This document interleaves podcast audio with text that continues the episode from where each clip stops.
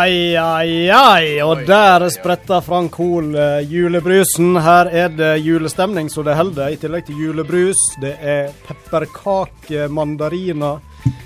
Julesjokolade, skumnisser. Til og med mokkabønner har vi klart å lete fram til dagens sending. Sprengt budsjett. Ja, det, det må det være. Hvordan er det, karer? Dere begynner å komme i julestemning? Ja Det nærmer seg nå i heimen, i hvert fall. Ja, du bidrar eh, vel med både pynt og nedvask Du, av hus? I dag uh, gjorde jeg innkjøp av uh, jolatre. Oi, da er du litt mer framme i skoa, som Sven Fro ville sagt, enn hva jeg er iallfall. Ja, men uh, jeg må nå bidra med noe. Jeg tror jeg var først ute med juletredd. For det kjøpte jeg i romjula i fjor. OK, snakker vi plastikktre? Det gjør vi. Er du fornøyd? Eh, ja, faktisk. Eh, men eh, det skal nå sies at det er på grunn av allergi. Jo, men den eh, tanken har slått meg òg. Jeg òg eh, går da i to uker og klør mer Mm. eller mindre. Så det har frista litt. Jeg begynner å se nesten naturlig ut. Det ser det veldig bra ut, så jeg vil anbefale deg å drøye den til romjula. Da Ja. kommer de eh, på til sterkt redusert pris. Ja. ja, men godt tips. Jeg noterer meg, da. Ja. Du da, eh, Thomas. Var det ut i skogen og hogge juletre, eller var Nei, det det er Butikkjøpt, Ja. kan du si. Mm. Type vanlig Fjell edel edelgran ble det, du. Ai, ai, ai. Du hendelse. Ja, ja. Jeg, jeg er jo vokst opp med gran, så det var jo det vi skulle ha, men eh, ja, ja. Jeg har faktisk prøvd, tre. prøvd eh, fôre siste året. Ja. Det syns jeg eh, tar seg bra ut. Osp. Osp. ja. Nei! OK, juletrediskusjon den eh, kan vi nå for så vidt eh, spare lytterne for. Men eh, vi er iallfall i julestemning. Siste sending før jul, og vi gleder jo oss da til kveldens to gjester. To Per-er, for sikkerhets skyld. Per Sætre og Per Ytreide. De sitter og koser seg med litt kaffe ute i andre lokaler her, og varmer opp med litt historie, kanskje. Så håper vi de deler litt av dem med både oss og lytterne etter hvert. Ja. Da tar han Thomas seg en god supe av kaffe igjen og eh, Han begynner eh, å sparer det beste til slutt, han, så julebrusen får hvile inntil videre. Inntil vi Jeg har vært innom mye annet her. Men jeg må nå òg få nevne, siden du ikke spør om hva vi har gjort på siden Ja, sist, så, eh, så tar jeg ansvar. Ja, det er bra. Så vil nå jeg bare nevne et visst show i Stryn kulturhus med programlederen her og han eh, Ole Bergesen. Som jeg syns var Og det sier ikke jeg bare for at du sitter ved min venstre side, men det syns jeg var det, Ja. Holder strupetak på meg. Det syns jeg var veldig bra. Yes, Jeg hadde med meg eh, eh, Hilde, min fru, og mor og far, og alle let eh, meget vel etter, den, eh, etter det showet. Jeg følte jo litt det- press. det. Ja, for det var jo opplyst av deg, eller kanskje var det din fru som fortalte at farsdagsgåva i år, det var billetter til showet, både til deg da og din far. Ja. Og da, når en får sånne meldinger, så blir en litt ekstra Kanskje det var litt av grunnen til at det ble såpass Ja, ja, som det litt sånn ekstra skjerpings der. Nei, men det var kjekt å høre. Koste deg. Det er bra. Du da, Thomas, har du opplevd noe spesielt? Nei. Egentlig ikke. Hatt fri i dag. Ja, det har du. Litt sånn uvanlig å ha fri en onsdag. Ja. Hvordan er det å ha fri på en sånn holdt på å si, vanlig ukedag? Det er veldig uvant, for det er vel nesten første gang at det skjer. Så jeg kjøpte jo juletre, da. Gikk du i underbrukja og slippers til klokka var to i dag? Nei. Nei, du ikke det? Gjorde ikke det, vet du. Du gikk vel og eh, trippa, og timene snegla seg av gårde. Sport Ja. og spas-sending, Ja, og ikke ha noe å ta seg til med da. Så Jo da. Nei da, jeg har nå vært på julebord med fjordingen, da. Ja, det har det. Ja da. I Myklebust-skipet. I Myklebust-skipet. verden. Sagastadpeid. Jeg var ikke med på sikkerhetsgreier. greier. Jeg har vært på juleøltest, og jeg har gjort Oi, mye. du er nå virkelig eh, julesiget, Ja høres det ut som. Ja. Jeg så du publiserte eh, testresultater på Facebook. Og, Ja, det Nå var skal vi passe oss ikke ja, Må ikke vi komme med noe eh, ulovlig reklame her, vet du. Nei, men Den drykken du hadde øverst på pallen, den, eh, den, eh, der, der var jeg veldig enig med, Ja. med dere i testpanelet. Det, det var kvalitet. Kjempegreier. Yes. Og alt er råd å få kjøpt i butikk. OK, da tror jeg eh, vi må Når vi snakker om butikk, så eh, flytter vi oss inn på Bunnpris i Olden, som er vår eh, trufaste, stol stolte sponsor. Nå har de endelig hørt meg og mase midt om plass. I eksklusive kretser gjør radiosportons spass.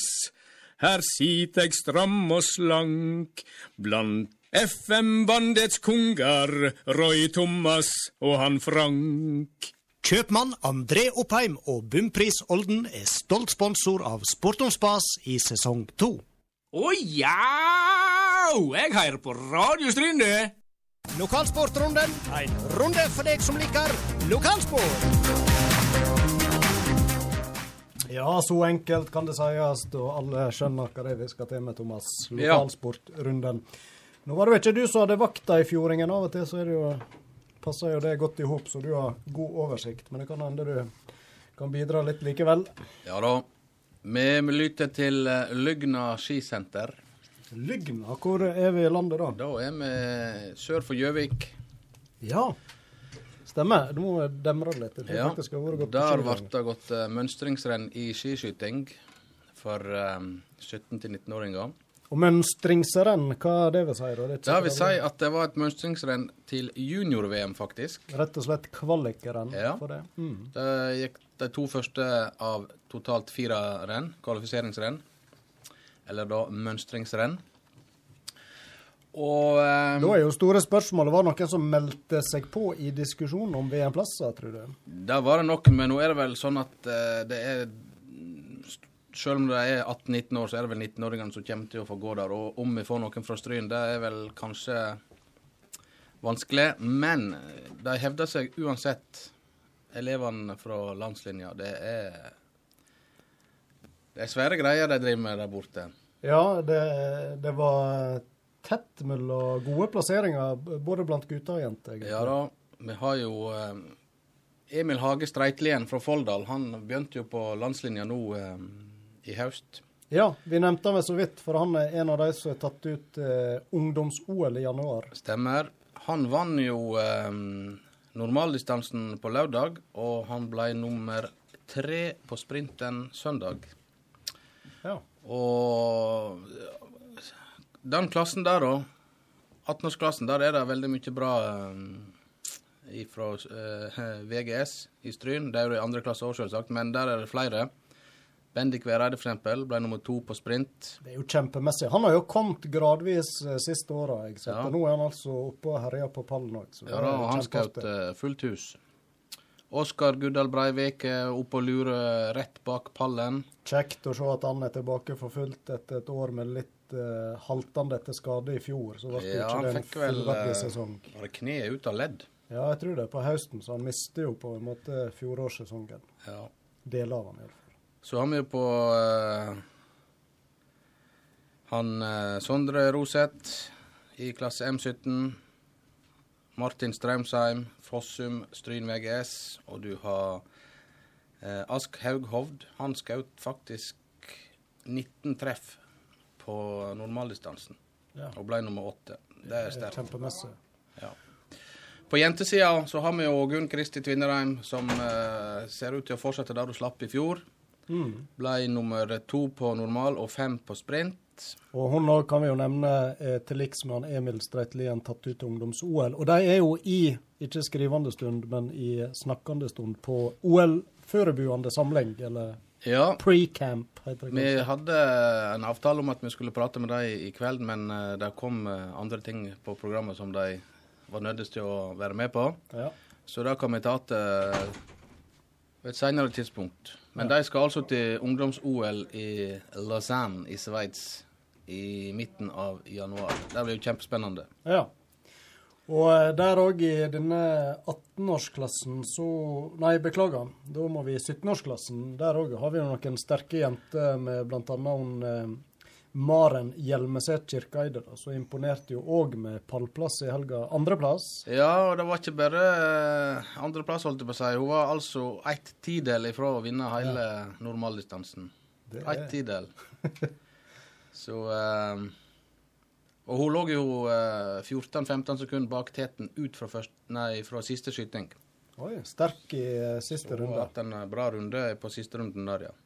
Hun ble vel nummer åtte òg på den andre dagen. Ja, det stemmer. Så det er mye bra eh, resultat fra landslinja, og eh, Det virker til å være et godt miljø der ute. Mm. Så kan vi nå hive med at hun Emilie Flostadvik eh, litt sånn eh, midt på treet ene dagen, men så slo hun til med en fin åttendeplass på eneløpet, ser jeg. Og har òg lyst til å nevne hun Hedda Garlid.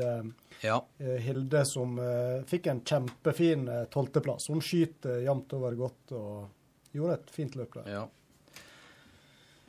Yes, det var lokale utøverne som er i full sving og har markert seg. Så fikk vel de fleste òg med seg at disse Bø-brødrene er òg i sin trippel trippelseier hvis vi tar med stafetten til han Johannes. Og Tarjei han òg viser jo kanskje litt ekstra sterke takter i år. Ja, han Johannes veit vi jo eh, er stabilt oppe i toppen der, og eh, som du sier, han tar tre seire. Han trenger vel kanskje et lite forsprang nå. Han skal jo vel ut i pappapermisjon om ikke så lenge. Ja, det, det skal nok godt gjøres å vinne verdenscupen da, når du tar deg eh, fri en periode der. Så, Nei, utgangspunktet så eh, skal ikke han gå noe særlig i januar. Det blir i tilfelle ren bonus, sa han eh, landslagssjefen Egil Kristiansen her hin dagen. Mm. Men han eh, Tarjei har jo nesten meldt seg på litt eh, i starten nå på sammenlagt. Han har vært stabilt oppe der, og to sjetteplasser i helga, så er han iallfall med i Ja, Tarjei han eh, virker til å være skikkelig på, på gang, og han eh, ligger nå på fjerdeplass i verdenscupen, f.eks. mm. Og nærmere enn han Johannes tidligere i, i løypa, ser det Ja. ut som òg. Så det Så, lover eh, godt. Det lover godt for eh, VM, dette her, i eh, slutten av vinteren. Ja. Ellers så kan vi nå ta med at til helga så eh, våkna de lokale hopperne til livs, hadde jeg Ja. sagt. Da er det samling i Bjørkelibakken på fjellet, og der fortalte du det var litt sånn eh, storbesøk på gang. Der blir storfint besøk, for der kommer han Anders Fannemel Ja. i lag med Lorentz Fannemel og skal ha hoppsamling for uh, hopperne Ja. i, i alle aldre der. Det må nå bli kjempeinspirerende for de som har litt uh, ambisjoner der. Og, der skulle det være mulig å plukke opp et tips eller to. ja. Veldig bra. Jeg tror Har vi noe mer da? Ja, som- vi har ja. jo uh, Det er jo tidlig, men uh, det er jo klart hva slags lag fra Sogn og Fjordane som skal være med i fotballcupen ja. til våren. Og da er det jo slik at uh, Sogndal og Florø de går jo direkte inn i første runde. Så må Stryn, Eid, Studentspretten, Fjøra, Årdal og Førde ut i kvalik. Og uh, det gikk vel ikke så bra med Stryn eh, i kvaliken i fjor, etter det jeg kan huske, Frank. Nei, det husker ikke jeg i farten, men det er klart at uh, Eller gjorde det det? Hører ikke Hører ikke lag som er med i kvaliken der, så, så er ikke det bare å spasere seg videre, altså. Nei, her får jo Stryn eh, kamp mot kanskje Eid eh, først og fremst, nå da i første kvalikrunde. Ja, det ligger vel muligens an til det. Ja. Yes. Ikke umulig, så det hadde vært kjekt med et lite cupeventyr på Stryn stadion i 2020. Det Men det. det er forhåpentligvis mye snø som skal snøve og smelte før den tid, Frank. Og vi får prøvd eh, felleskia før den tid, tror du ikke det? Jo, jeg har eh, til gode å ta dem fram enda, faktisk, men eh, nå nærmer det seg. Jeg har prøvd dem én tur, og da måtte jeg faktisk gå opp løypa sjøl. Da var det kommet såpass nedbør på de timene før jeg klarte å komme meg ut. Men eh, det blir vel muligheter i jula òg. Hva du sier Thomas? Ja, det skal nok bli muligheter for en liten skitur. Ja. Eller det er ski naturell du velger, uten gåtur uten ski? Skitur uten ski. Naturell, du. Nei, altså, sportens spas, det er jo å gå for teorien i praksis, ikke sant? Altså, du har de beste folkene på de beste plassene. Ja, da har vi fått besøk og sier velkommen til to gode Per-er, får vi si. Per Ytreide og Per Sætre. Ja, er det Ja. Hvor er det med dere? Vi snakka om julestemning her i stad. Er dere begynt å, er det begynt å sige inn over dere? Nei, det er nå veldig forsiktig iallfall. Ja. Og du som eh, står i butikken fortsatt. eh, Mangler litt snø og litt kunder. Ja, ja. Merker du det på ski, skisalg, eller at det er litt bert? Ja, det er det er nå klart. Ja. Men ellers så er det vel eh, Er det ei tid du liker? Desember og det å drive butikk? Ja, desember er jo kjekk. Det, Det er jo den måneden vi har mest å gjøre på kortest mulig tid. Ja ja, det er jo Ja. klart. Ja, ja, ja. Men nå driver ikke jeg dette lenger. Nå eh, er det andre veldig flinke folk som driver dette der.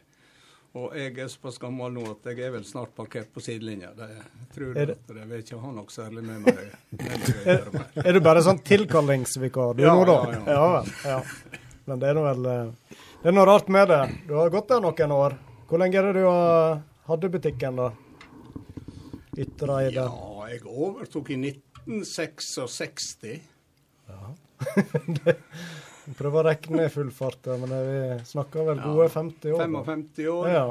Pluss at jeg var nå der fra jeg gikk ut av folkeskolen i 56. Så jeg har nå vel ja, 65 år. Det. Jeg, så, jeg var jo innom deg eh, for noen dager siden i butikken og um, diskuterte litt bl.a. hva sortiment dere har hatt opp gjennom åra. Så jeg forsto det at i starten så var det jo ganske variert. Ja, far var jo Kom jo ifra Oslo. Han jobba med Gressvik og satte i hop sykler hos Gressvik og kom tilbake igjen i 26 og solgte sin første sykkel i 1926. Og fra den tid så var det jo sykkel og ja, sportsutstyr. Og faktisk bildekk av alt i verden. Og da holdt vi til der bokhandelen er nå. Eh, og så bygde han far i 32, og så flyttet vi inn der i 1934. Og da utvida han til bensinstasjon, hadde vi. BP, eller Norol, eller hva du kaller det. Og eh, så var det jo sport, pluss at vi hadde da under krigen vulkaniserte vi bildekk, sykkeldekk, støvler. Ja, you name it. Alt som hadde med, med gummi å gjøre, så det var mangelvare på under krigen, det reparerte vi. Den eh, produktmiksen der, den eh, hadde vel vært krevende å ha hatt i dag. Ja, helt umulig. Og så du, eh, Per Sætre, nå ja, butikk vet ikke jeg om du har drevet, men du har iallfall drevet kro, husker jeg godt. Å ja? Ja, Har du drevet butikk òg? Nei. Nei.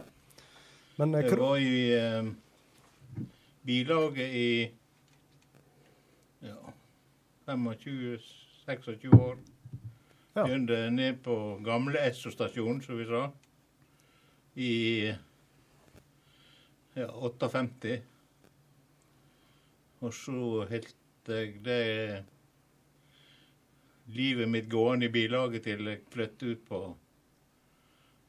ja, ut på leirene, som vi sa. Ja, ja. Og begynte med kro. ja, hvordan var den tida? Hvor lenge var du hadde den? Jeg hadde Per Skro i elleve år. Krovert. Ja. Koste deg? Koste meg vel ikke, men det var interessant. Det var hektisk og Det var travelt på slutten. Og når da økonomien begynte å stramme seg til litt, så ble det for tøft. Men jeg husker jo eh, når jeg begynte å fatte interesse for engelsk fotball, så var jo der en sånn krok ned på Pers kro, Ja. der det ble vist eh, engelsk fotball. Ja. Så der eh, brukte vi ganske mye tid, eh, vi som eh, følger med på disse her kampene. Da. Så Pers kro hadde jo ei sterk tilknytning til fotballmiljøet i Stryn. ja. Selvfølgelig òg siden det lå så nær stadion. Så det var nå mange tilskuere på Stryn sine kamper som tok eh, pausen på, på Pers kro. Ja, van, Hvis de var litt ja, det var en veter- veteran fra Volda. Vi spilte i samme divisjon, så det Stryn stadion den kan eh, måle seg med Wembley, sa han. Det, her, får du, her får du øl i pausen, sa han. Er. Kan jeg få lov å skyte inn en liten ting her? Eh, Ja. Jeg og du, Frank, vi var jo litt usikre på hvordan det gikk med Stryn i cupen i fjor. Mm. Men jeg har fått en melding fra en anonym lytter, fotoglad, ifra Eid. Ja. Han skriver at Stryn slo Eid og Førde i kvalik, og så hadde de jo Sogndal i første runde, og det burde nå i hvert fall jeg vite. ja. Stemmer det. Ja, ja, ja. Det demrer nå. Ja. Det var bare det. Ja. Men nå er det nå for så vidt ikke først og fremst eh, krodrift og eh, butikkdrift eh, vi har lyst til å prate med dere om. Dere har jo eh, vært sentrale i idretten på ulike vis opp igjennom. Og ja, begge har vel vært aktive, men kanskje særlig du, Per Ytreide, innen fotballen, tenker jeg, og alpint. Og, men hvis vi begynner litt med deg, da, og, og fotball, så er det jo Særlig dette med Lillestrøm som kanskje peker seg ut litt. Kan du, kan du fortelle litt om hvor du havna der nede, og åra i den gule drakta? Var den gul da òg, forresten? Ja, ja, ja. Ja. Drakta har ikke forandra seg, selv om divisjonen nå er den samme som jeg spilte i. Ja. Ja, det er men ja. Det er jo nesten for galt at vi inviterer han Per hit nå når akkurat uh, Lillestrøm har rykka ja. ned. Men, det, Det har vært ei forferdelig tid. men er det laget i ditt hjerte fortsatt? Og for all del, ja. Ja, ja. ja. ja, ja, Men hvor du havna der? Ja, det, jeg var på Lutvann. Utdanning, tok utdanning i militæret på Lutvann. Det ligger rett oppfor Furuset stadion, eller Furuset eller Tveita eller Og der var en, eh, hadde Forsvaret en sambands- og radarskole. Og der eh, gikk jeg og tok utdanninga mi. Og der traff jeg en kar som jobba i stab og stasjon. Som het Reidar Solheim og var ute av Holmedal. Og han spilte da på Lillestrøm. På A-Light Lillestrøm. Eh, og han sa det at du må nå bli med opp. Ja, ja, sa jeg kan du være med opp. Og så fikk jeg jo da eh, lov å være med og trene, og så plutselig så mangla det en mann på B-laget, da. Så eh, det noe spor om jeg ville være med. Ja, det er helt greit. Jeg kunne jo spille B-lagskamp. Og jeg, bruk, jeg var nå hjemmefra, så spilte jeg jo stort sett i midten og på midtbanen, men der ble jeg satt opp som spiss av alt i verden. Aldri og, spilt spiss før? Nei. Nei. Og den B-kampen gikk jo såpass bra. Vi vant jo 5-0 over Vålerenga sitt B-lag. Jeg lagde nå en del av disse målene, og det gjorde nå det at jeg fikk prøve meg litt mer oppover. Han skåra fire av målene. Oi, Ja, ja. Ja. Eh, grei debut. Ja, grei debut. Ja. ja, så, eh, så ble den tatt ut på laget mot Greåker. Det var jo da jeg debuterte mot Greåker. Og da vant vi 3-1, og da lagde jeg to mål. Så da var jeg plutselig kommet inn sammen med Oddvar Rikardsen. Altså stort sett de jeg spilte sammen med, de hadde jo landslagkamp enten på A. Før i tiden var det noe som B-landskamp, og så var det junior og ungdom. Så de åtte av de elleve spillerne hadde jo da kamper for Norge på ulike landslag. Så det er ikke vanskelig å spille fotball når du har skikkelige fotballspillere rundt deg. Da kan du stå i ro stort sett og lage mål. Det er ikke noe problem. Ja, så enkelt er det vel ikke. Du må ikke gjøre deg eh, mer beskjeden enn det. Men eh, hvor gammel var du? Dette var i seks, rundt midten av 60-tallet, eller? Nei, jeg debuterte vel i 64 på Lillestrøm, da.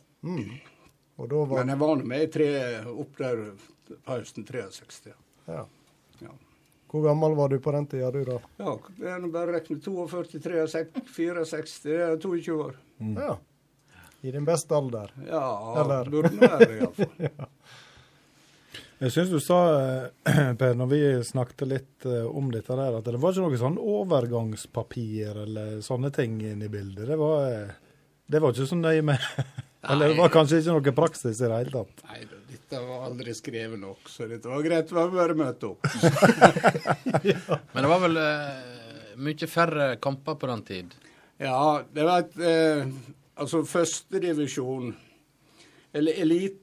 Ja, da var jo denne store serien på Hvor mange var det da? Var det eh, over 20 lag?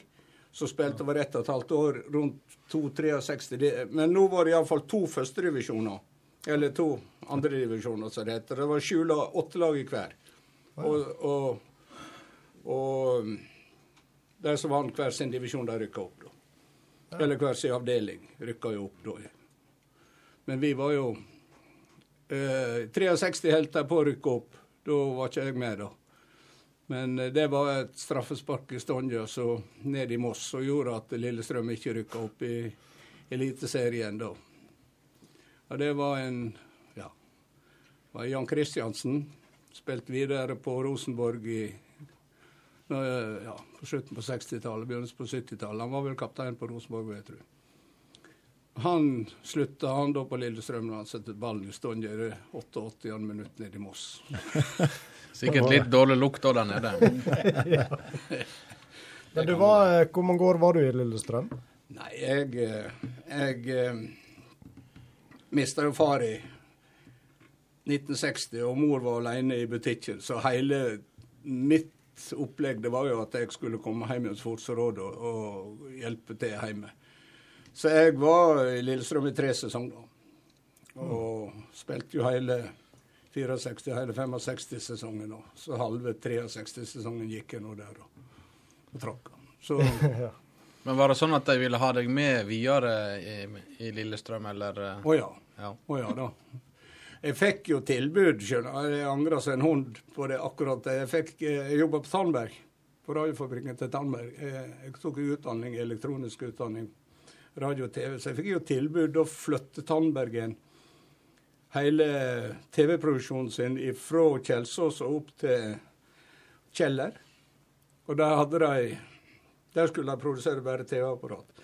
Jeg fikk jeg tilbud om jeg ville være med opp der og være eh, fire kjeder. Så kjedeleder på, på fire kjeder. Jeg fikk et tilbud.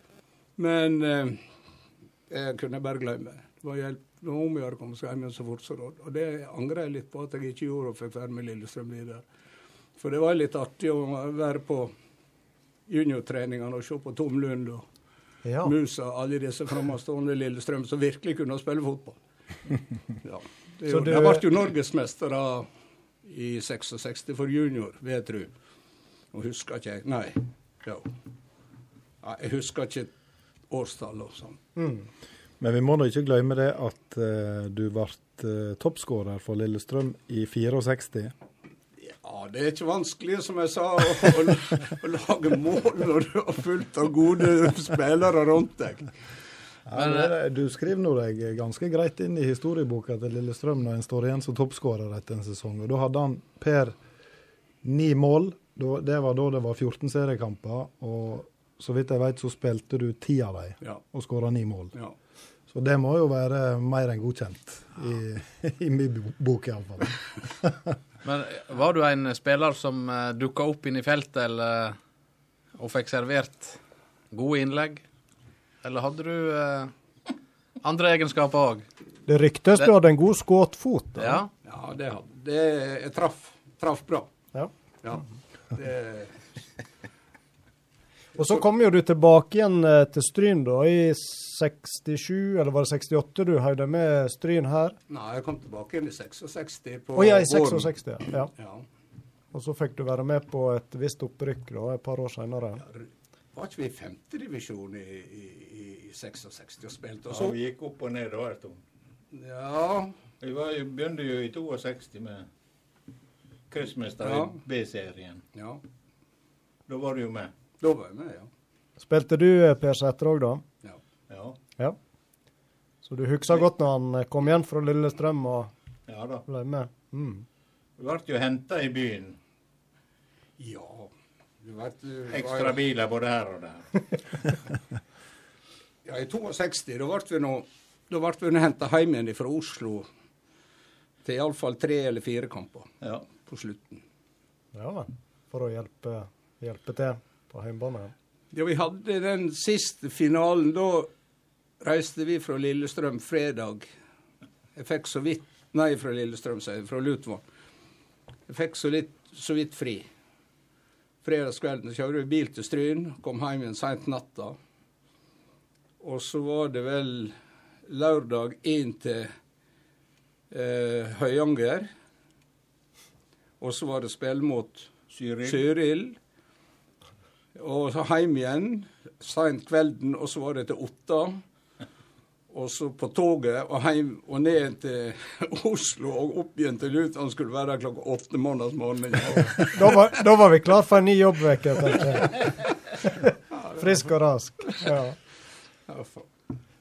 Men eh, jeg forstår deg rett, da. Så var det med litt sånn blanda følelser du reiste tilbake igjen til Stryn i 66, da. Du kunne gjerne tenkt deg å prøvd noen år til og sett hvor det gikk. Jeg hadde forferdelig lyst å være igjen i Oslo, ja. Jeg hadde jobbtilbud og og Den jobben foregikk jo på Lillestrøm. Jeg bodde jo på Lillestrøm, så jeg hadde veldig lyst. Men pliktene og ansvaret drog meg opp igjen, da. Har du leika med tanken at du var på lag med Tom Lund på topp der og kanskje måka inn noen mål?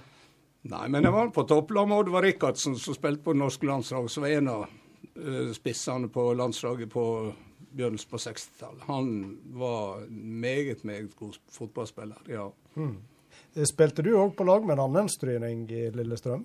Ja, Gunnar var med Ja. på, på slutten i 65, ja. Gunnar Beines, ja. Han òg var vel markerte seg der. Ja, uh, Gunnar hadde jo to i seg, men du vet han Det, det skal jo alltid liten grann til å Altså, jeg hadde kanonsuksess. Jeg skåra etter tre minutter i debutkampen min et skudd fra 25 meter som satt borti hjørnet. og Det er før treneren hadde sett seg ned. Jeg har ikke fått sett skåringa engang. Så Og du vet, hvis du spiller en to-tre kamper uten å, å, å skåre, så er det så, så henger du litt tynnere i. Men Gunnar var jo med på en to-tre kamper, og spesielt mot Gjøvik-Lyn, som rykka opp det året. Da vant vi jo på Gjøvik med jeg tror det var 3-1 eller noe sånt. Og jeg og Gunnar lagde hver sitt mål. Å, det må ha vært litt ekstra stas. Det var litt av. Men Gunnar, han var, var han kant, eller var han spiss, han òg? Han ble plassert ut på kanten, han. Ja, for han var en mer sånn kjapp uh, ving-type. Ja, og Gunnar burde vært i midten, men du veit det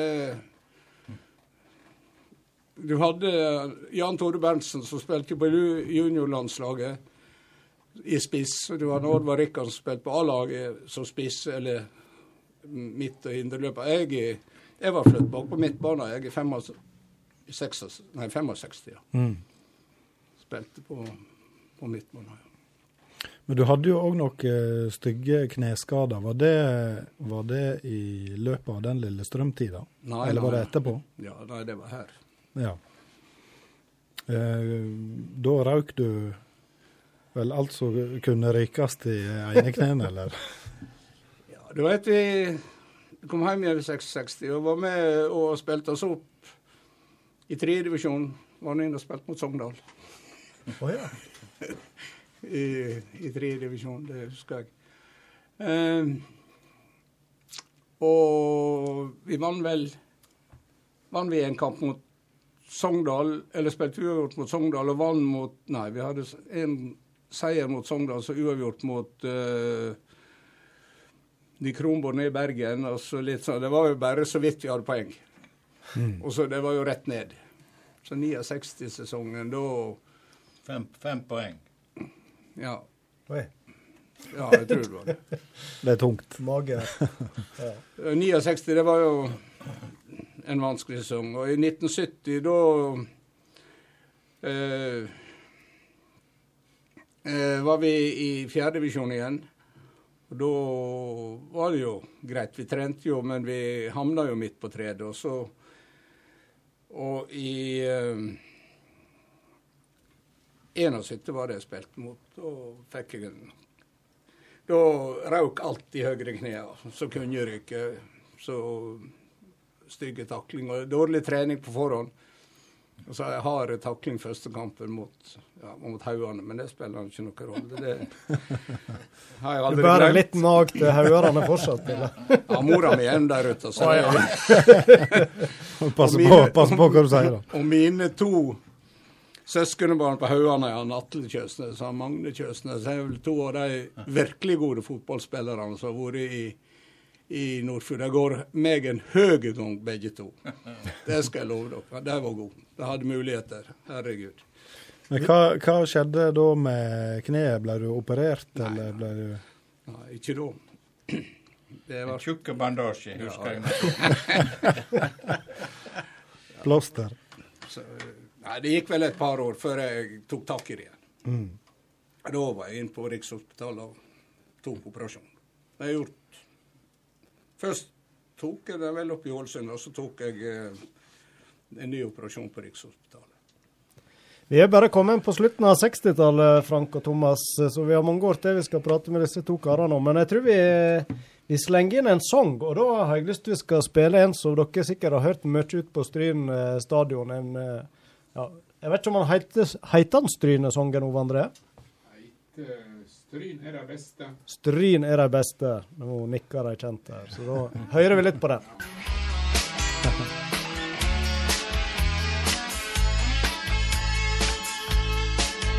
Vi vil synge om det hvite og det røde. Fotballaget til fra hovedstaden Stryn. De gjør kjempebra med foten over hodet. Og kan springe att og fram som oljelyn. easy.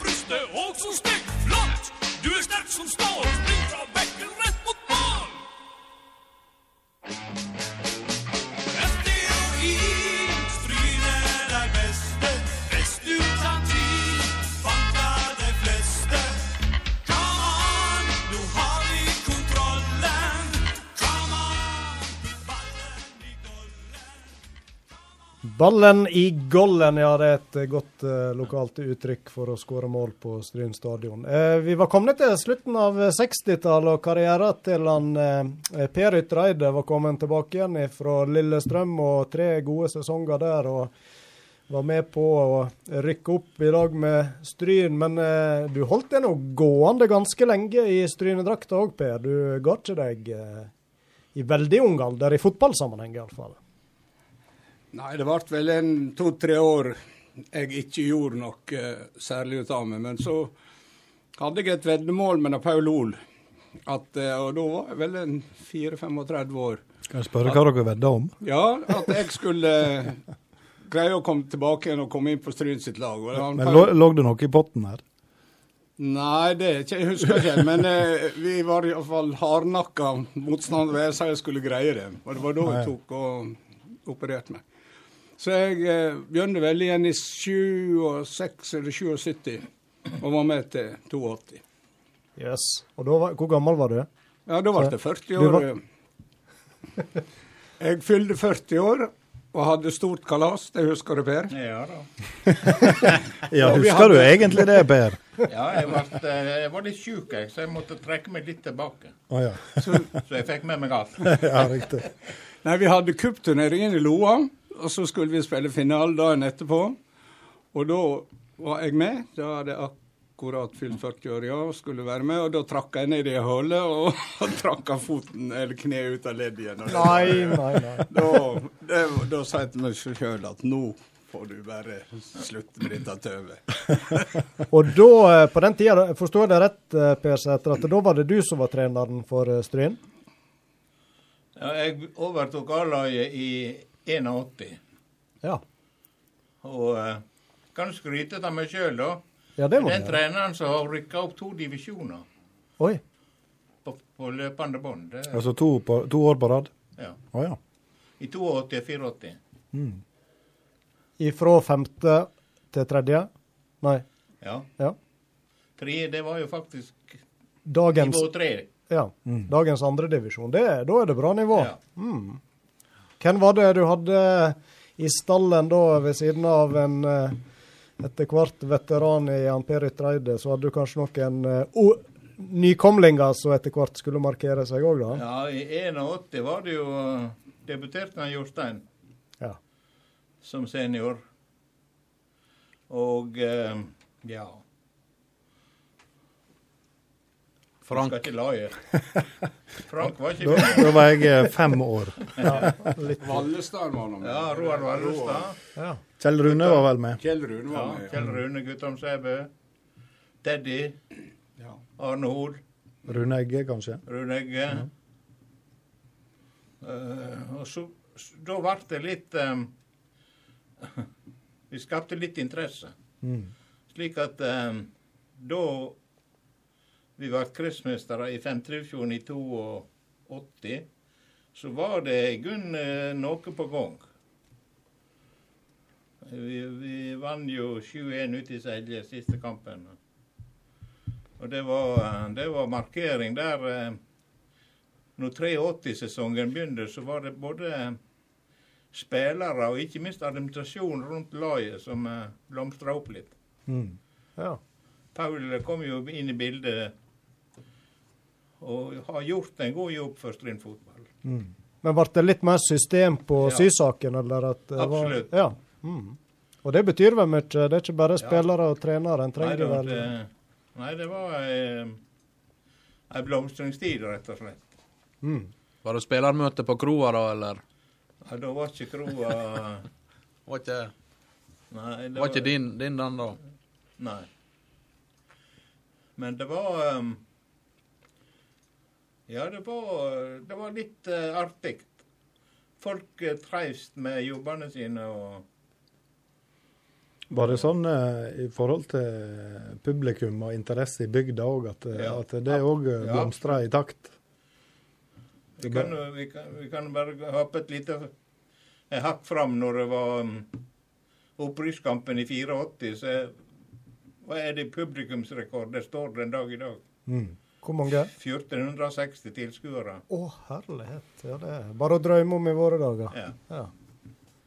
Husker du kampen òg? Ja, Godt? ja, Ja. Tornado rykka ned og vi opp. Da er, det jo, da er jo ting akkurat sånn som det skal være. Ja, hadde det vært Eid, så hadde det vært kanskje en Ja, Eid. Eid tapte jo ned i Dale. Det var jo det som gjorde at vi ble ja. Var avhengig av at de eh, Ja. skulle tape. Ja. Så alt klaffa. Alt klaffa. Ja. Men hvis Eide hadde vunnet, så hadde de blitt Ja, rettsmester. Ja. det. Ja. Jeg husker, um, 1460 tilskuere på Stryn stadion. Ja. Det er jo nesten Og da helt var ikke det ufattelig. tribune. Nei, det var det heller ikke, nei. Det var vel uh, Rødstubben. Ja, det var Var ikke alle som så da, egentlig. Og Så det- eh, hvis du ikke veit om det, så var Svein Inge Time dommer. Wow. Det var jo en attraksjon, bare det. Han er vel en av de største dommerlegendene i, i landet vårt. Ja, det er det. Han er jo død nå. Men eh, han, dø, han dømte her den kampen. Og så dømte han uh, Molde-Lillestrøm dagen etterpå. Så jeg kjørte opp. Hvem de spilte mot i opprykkskampen? Tornado. Tornado var det, ja. Det sa du jo. Ja. Det var bare et Så du sjekka Du må følge med, Tom. Ja. Men du, du Per Sætre, du, du nevnte at han, Jostein Flo eh, debuterte i 1981. Kan du huske debuten? og Var det sånn at en så allerede da at her har vi en eh, kanskje litt Nei, nå, ekstra nå på gang? hadde jo jeg trent guttelaget Ja. en par-tre år før, da, så jeg kjente jo striken godt. Ja, ja. Og, uh, Men du så han var litt ja, ja, annet det var materiale? ikke til å ta feil av det. Nei. Spilte, spilte han uh, spiss hele tida? Og på, Ja, på guttelaget? Mm. Men så, uh, Nå er vi nå kommet til 80-tallet, men jeg uh, tror vi må Vi skal spole litt tilbake. Du, du Per Sætre, du er nå er det fem år eldre enn han som sitter ved siden av deg. Ja. Ja. Så du eh, hadde meg en prat med en som kjenner deg eh, godt og har fulgt med lokalsporten lenge, en viss Harald Vartdal. Og han eh, fortalte at det er ikke bare fotballen du har vært engasjert i. Det det begynte med, nesten, det var vel litt mer sånn allsidig idrett. og hadde en slags, eh, Han kalte det en forløper til idrettsskole, jeg vet ikke om det er rett. Ja, Jeg kalte ikke det noen ting. Det var bare barne- og ungdomsidrettsgjengen som Når jeg kom tilbake fra militæret, så hadde, jeg gikk jeg befalsskolen, så jeg hadde en viss eh, opplæring i instruksjon, iallfall. Og, Ja. og så samles vi inn i Bø, på eh, gymsalen der inne. Ja. Det var ikke noe stor eh, Han var vel ikke min, mindre enn han er nå, regner jeg med. Skal du noe til? eh, og der var alle med. Ja. Jeg, jeg tror ikke jeg var en uh, gutt eller jente. Alle var med. og... Alle aldre og Ja. Hva, hva dere gjorde da? Slags? Ja, altså Det ble jo arrangert sånne sonetevlinger da, i idrettslagene rundt om her. Ja. Og vi fikk i oppdrag å arrangere langrenn, f.eks., så aldri noen hadde gått i Stryn. Å ja, det var Det var ikke langrennsski i Stryn turn- og idrettslag. Det var, fantes jo omtrent ikke. Nei. Så vi skulle ut i markene og gå langrenn. Og vi hadde vel med en eh, 20-30 deltakere. Og, og, og slalåmski var der med. Kandahar-bindinger. Slalåmski for å gå langrenn? Ja. Å ja. Ja ja. Lykke til. Og vi kommer ut. Så husker jeg vi hadde buss utover og fullt med ski og ut med kino. Det første vi ser, er en Inge Fehn med faren sin med fyrlampe og småski. oi, oi. Er det sånn det foregår, dette her? Ja vel. Inge får smorsekk. Han Torleif Roksvåg sprang ifra henne med, med slalåm. For et nederlag. Ja, det var et nederlag. Jeg visste ikke at eh, onkel Torleif hadde, hadde en langrennskarriere. Ja, Kandahar-bindinger. Ja. Men vi har ikke tort å sagt det til Inge så veldig mye. men- Spørs om han hører på oss nå, da. Men uh, vi, får, vi får minne han på det. Ja. Jeg husker han Jørgen Skåre vant den klassen. Blant uh, Ja, han var vel god. ja. Men Hvordan var dette der for en gjeng som knapt hadde stått på ski før, da? Nei, det var, det var Drap det all lyst? Det var ikke noe som kvidde på å være med. Nei. Det var bånn gass. Ja. Og eh, så vant vi disse sonetevlingene, da. Det var noe terrengløp, og det var det var langrenn, og det var hopp. Husker vi var oppe i Lida og klappa til en hoppbakke. Og det var ikke noen andre som var med, eller jeg som var voksen, pluss ungene. Ja. Og vi klappa til en bakke, og så kommer Lars Hattedal, han var dommer. Her hopper ikke da, sa han. Ja, i dag så er det, sa jeg. Og de hoppa 23 meter. Oi. Ja, ja. Så dette ble, var svært. Og bakken ble fin i profil på Hva ski brukte de da? Det var ikke noe hoppski? Ja, da Eller var det det? Ja, da var det litt hoppski, tror jeg. Men. Å ja. Eh, Og det var et minne som liksom sitter igjen ennå. Mm. Og da eh, forsto jeg, da var det type Arne Hoel og Olav Tenden og Ja, sånne som var ja, dine ja, ja. disipler på den Ja. tida. Ja. Du, Per, var ikke med på disse tevlingene, var du? Men da la du la grunnlag for litt allsidig idrett her, du da? Ja, Mm. det kan vi vel si. Men på den tida var det, var det noen andre tilbud gjennom idrettslaget her enn fotball og det prosjektet som du hadde der? Det var jo gruppe, semjegruppe og Ja. Turngruppa, var den aktiv? ja det var det, dette som begynte å For jenter så var det jo det, men ikke for gutter. Okay. Det ble eh, framavla av dette her. Ja, OK. Jeg husker vi reiste på turnstemning til Høyanger og slo salto. Så ingen andre greide å tjene fram. Men det, det var ikke noe noe turndrakt i den forstand. Det var hvite skjorter og hvite shorts. Men eh, det var fotballen som etter hvert kanskje tok mer og mer over for deg òg? Interesse, interesse for det? Ja, Eller? skal vi se. Ja.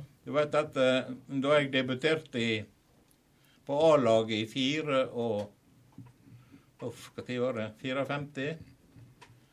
Da var jeg stolt. ja. Eh, Både jeg og han far. Mm. Så når far skulle på fotballkamp og jeg skulle være med, da Da var han litt kry. Så det ble litt uh, husker du hvem eh, dere spilte mot Nei, eh, det da? eller? Nei. Det var nå Håndalen som var største motstanderen. Ja. Nei, ja, det var nå Vi var nå begynt å Det var ikke så mange kampene for året. Haugen var jo mye borti.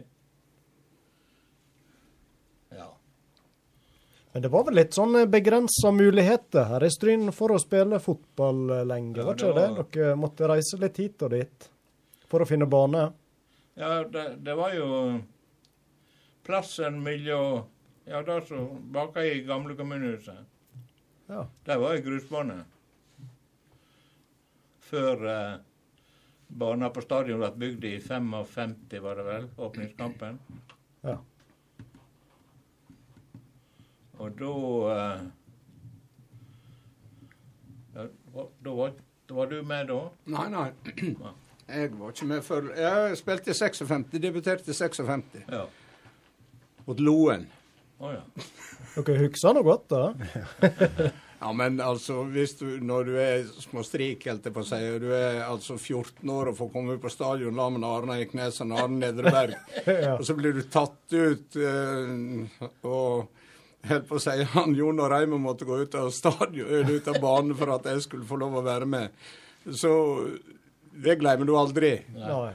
Og så Tangen, den store Loen-keeper, Tangen sto i mål, og jeg husker jeg lagde mål på han. og det, det glemmer ikke du. I, de, I debutkampen? I debutkampen, Oi, ja. oi, oi. Og da var du 14 år? Da var jeg 14 år, ja. Ja, det er noe Du ble en... helt i kompisgjengen du da, tenker jeg. Nei. Skulle mer til?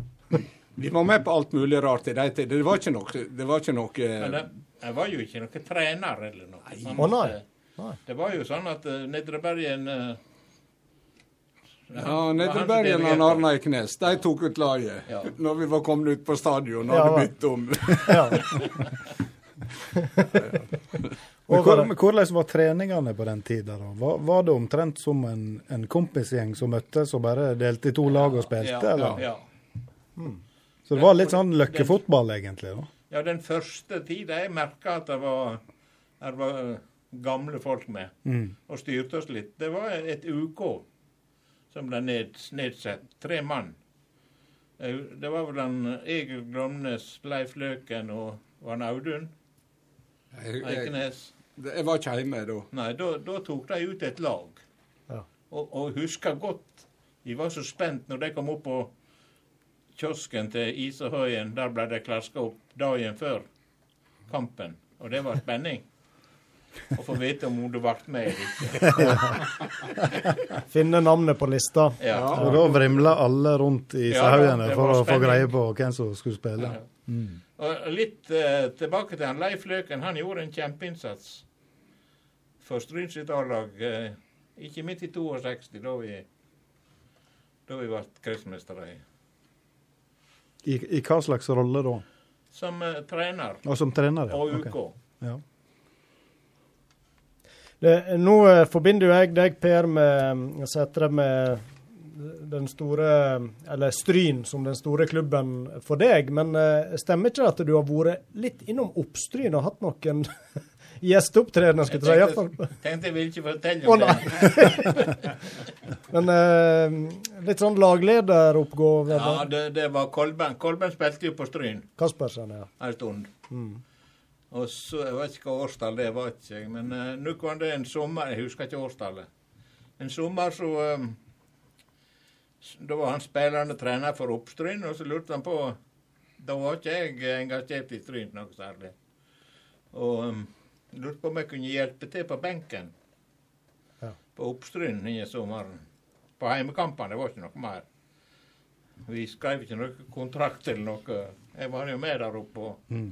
Gjorde kanskje en innsats for Opptrønd. Og um, sesongen gikk jo noenlunde bra. Vi skulle iallfall til Grotlipp på årsfest. Så jeg og Klara ble invitert med overnatting og greier. Og der var jo åpen bar, og han Per hadde lyst i baren. og uh, da traff jeg en onkel fra Guddal. Han lurte på hva jeg skulle. Nei, hva baren, sa jeg. Gå og sett deg. Det var ikke snakk om noe barbesøk. Og så um, Det var en kjekk fest. da. Kom hjem igjen til en far, og han var levende interessert i dette her. Han, ja, lurte han, lurte han på hvor det hadde gått. Ja, det gikk fint, dette. Jeg vet ikke om du kjenner mora Skolben? Nei, det kan ikke jeg eh, si jeg gjør. Eller Et lite kapasitets... eh, Ja. Så, jeg ja, danste med en Kari, sa jeg. Kari Valsnøsson? Ja, sa jeg. Ja, det var ikke for at de trakk hverandre på tennene. Ja, ja. det var den. Ja. Jeg tenkte òg Ja, du er en elegant overgang. Nå har vi kommet opp på Strynefjellet, for uh, vi kan snakke litt al alpint òg. Du uh, Per Ytre Eide, du har nå uh, vært både aktiv alpinist eh, til en viss grad, og ikke minst engasjert i Strynefjellsrennet. Hvor aktiv var du med slalåmski sjøl? Jeg var veldig aktiv helt fram til 1958. Da hadde jeg en fjerdeplass i den nasjonale klassen på Strynefjellet. Og det sto høyt. Jeg hadde folk fra Oppdal og Voss bak meg, og, og gode kamerater som ble landslagsløpere etterpå. Oi. Da var du sånn 16-17 år, eller? 58 og jeg er 16 år. 16 år, ja. Og da sa Stein Eriksen at du Per, du får komme over til Amerika til meg når du er ferdig på gymnaset. Ja, Oi, det, det skal jeg gjøre, sa jeg. Så det er kjempeflott. Men da havna du jo selvsagt Jeg søkte meg til Voss. Der var onkelen min inspektør. Han skjønte hva jeg ville, og han far skjønte òg hva jeg ville, og da var det kroken på døra der. Der fikk ikke jeg lov å komme. Så, så, så søkte jeg på Volda. De hadde bygd ut alpin, eh, alpinløypene sine der oppe og fått heis opp på Ørsta på Bånåseidet. Og jeg gledde meg, og det var mange gode alpinister etter hvert oppe i Ørsta Volda. Og så den dagen jeg skulle begynne på gymnas, så ringte rektor Rypdal fra Sandane til far og sa at du, jeg kan få en plass på Sandane nå hvis jeg eh, har lyst til det. Og så sa han far ja, da reiser vi til Sandane. Og da var jo alpinkarrieren fullstendig over, for det var jo ikke antydning og ikke mulighet for å, å kjøre alpin. Det, det var ikke helt samme oppbackinga hjemme da som kanskje nå, høres det ut som. eh, Det var ikke Nei. fokuset var ikke å få idrettskarriere på Nei, det var, det var vel skolegangen de tenkte Ja. på. Så eh, hadde det hadde fått komme til Voss, så hadde en iallfall fått drevet det så langt som jeg ville. Og så Den eh, Så døde jo far, da, da røk jo den amerikaturen, for da måtte jeg bare være hjemme. Så det var jo veldig, veldig greit. Så eh, begynte jeg nå Jeg fikk nå meg en del mm, kretsmesterskap i både storslalåm og slalåm her i Fjordane skikrets. da. Ja. Men det var Jan Henten som var den store bøygen. Han, eh, men han reiste jo østover da han var ferdig på gymnaset, så da fikk jeg nå meg noen mesterskap. Så det var veldig kjekt. Og så utdanna meg som instruktør, og det var jo der jeg trefte kona mi da. Hun var jo en av de beste alpinistene i Norge. Var blant de ti, topp ti. Yes. Og eh, vi hadde jo store planer om å få til noe her. og Vi var jo kommet godt i gang med Bøanesetra, da.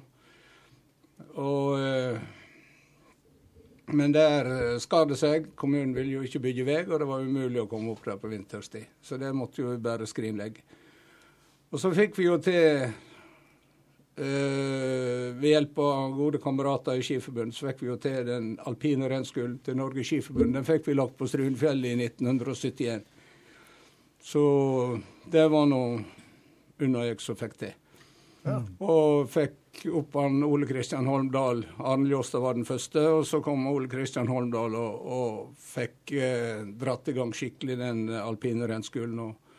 Med mobile heiser der oppe før vi fikk Stolaheisen.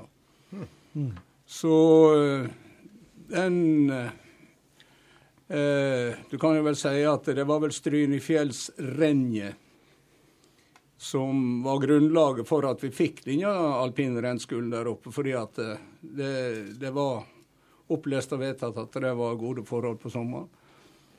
Så det var nå far som begynte med Det var tre. Far han Jon Os og han eh, Ivar Sandvik, som var disponent i Nordfjord Sunnmøre Billag. Det var de som begynte med Strynfjellsrennet i 37. Og så overtok jeg dette her i 66 og drev det vel fram til vi ga oss i 1996. Da var ikke det mulighet til å få til noe mer der oppe. Ja, Var det noen som skulle kalles for ildsjeler da, så var det en far din. Ja, ja, ja, det fikk det godt til. Så det var Vi hadde hele eh, Ja, du kan jo vel si at det var norsk og svensk og finsk eliten var jo med her oppe på 50 50-tallet. Og så lå det litt nede på begynnelsen av 60-tallet. Det var litt vrient å få til alt. Kom jeg hjem inn i 66 og fikk med meg Håkon Mjøen, husker jeg. Som var da eh, Norges beste alpinist. Fikk hun ned som trener, og så fikk jeg veldig godt foten inn på Oppdal. Og fikk med meg Håke, Erik Håker, Råd Sørli og, og disse alpinistene der oppe. Pluss veldig god hjelp av en hel del fra Bærum skiklubb, da. Bernt Müller i spissen. da. Som var landslagstrener for både jentene og guttene. Men dette var kontakter du knytta i forbindelse med Strynefjell? Ja, ja. Så hjelp det til at du fikk renskolen og fikk mm. sommerskisenteret opp og gå her oppe. Ja. Så Men hvordan var det i forhold til preparering og når vi snakker 60-tallet? Det var noe helt andre forhold eh, enn eh, Hva du tenker på? Nei, eh, det var vel ikke akkurat tråkkemaskin, eller var det det på den tida? Trakkeløypene Å nei, nei, nei. nei. Nei. nei. Det var salt. Det var salt. Altså første trakkemaskiner vi som kom til dette området her, ja det var vel Stranda som fikk. Så fikk vel vi trakkemaskina på Strynfjella i rundt 1970. Ja, det var vel Ja. 70-71. Ja, det var da, da rennskolen kom. Da ble det kjøpt en enkel trakkmaskin. Ja. Så da var det å trakke sjøl Ja, med beina? Ja, ja, ja. ja. Hm. Det, Oppvarming, det. Ja, det var god oppvarming. Jeg kan bare sånn skikkelig digresjon. Rett etter krigen,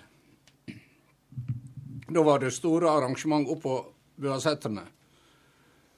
Da var det slalåmrenn én dag og utforrenn én dag. Og da måtte du gå fra Stryn sentrum opp på setra. Og omtrent opp på Tonningssetra, litt over i disse forskjellige hyttene, der var mål. Og så trakka de, tverrtrakka de helt opp på eh, Forbi Bjørnebakkhytta og opp på Oppe i Steindalen. Steindalen. opp, Ja, langt opp om Steindalen. Opp på eh, Ja. Eh, og der var det start på utforrennet. og da og det, og det verste var Peder Berg og han Ola og disse folka. De hadde altså trukket opp ledning, så det var altså start med telefonen ned. Og dette var altså tidlig tidlig på 30-tallet. Nei, tidlig på Rett etter krigen, på slutten på 40-tallet. Så det, det foregikk jo en Jeg husker jeg var med på det et par-tre par, tre år iallfall. Men så ble det jo slutt. Og da måtte de tverrtrakke hele veien. Og så tverrtrakka vi KM, løper du ut i hengene. Jeg tror ikke vi skal ta med denne. Vi skal legge inn et lite hvileskjær med litt musikk igjen. Nå skal vi fortsette litt alpinprat, for da skal vi ha med oss en på uh, telefon som heter Ja, han kalles uh, Olles. Det vet vel du, Per. Begge Ja, ja. dere hvem det er. Så han uh, har jo uh, sett merke til seg eh, både lokalt og, og som eh, trener på nasjonalt nivå. Så vi skal ha oss en prat med han eh, Ole Magnar Valaker nå etter litt musikk. Er helt konge.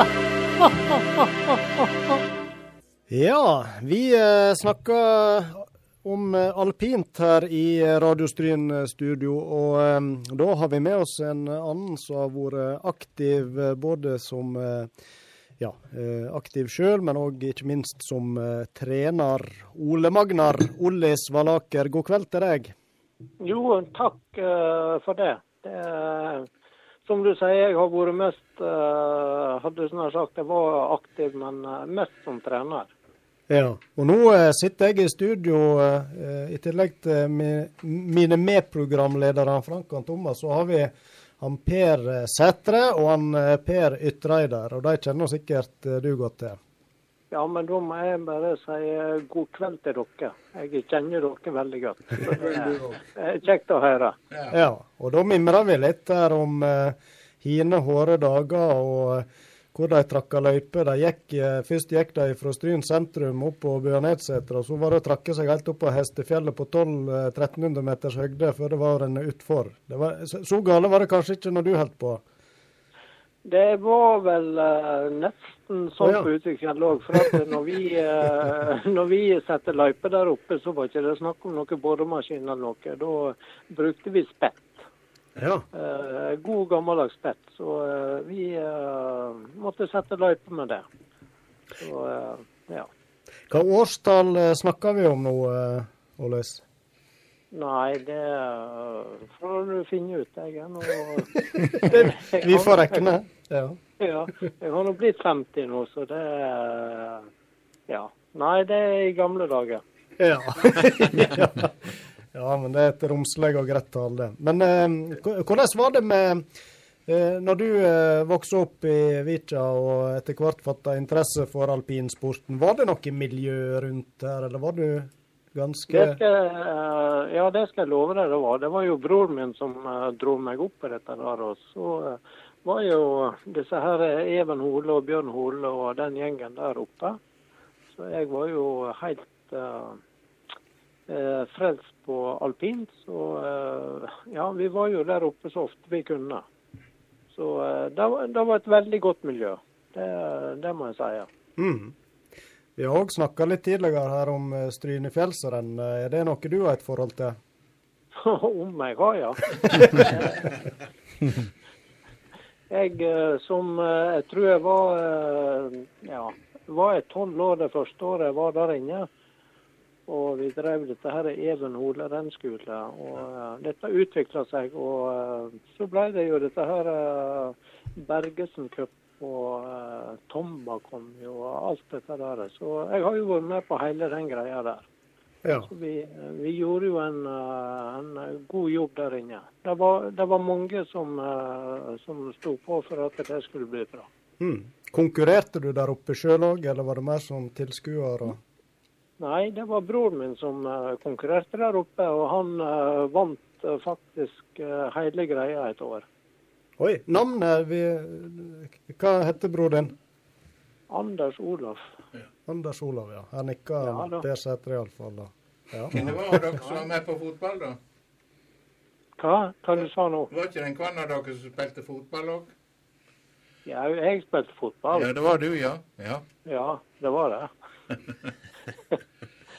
Var du en bedre fotballspiller, eller var det alpinist du hadde størst talent for? Eh, Det var vel alpinist, egentlig. Det var det. Men eh, det gikk eh, ikke den veien. Så jeg gikk Hadde snart sagt når jeg Ja, på skolen så gikk det på stranda, og så ble det trener til slutt. Og da, var veien lagt. Var du innom noe slags landslag i ungdommen, eller? Eh, nei, ikke landslag. Det var ikke jeg. Nei. Jeg eh, var, eh, hadde snart sagt var eh, dette her som har med eh, junior-NM nå og sånn, og da eh, Det var jeg med på. Ja. Så eh, jeg var eh, jeg, var- jeg, jeg var god i min klasse i slalåm da jeg var 16 år gammel.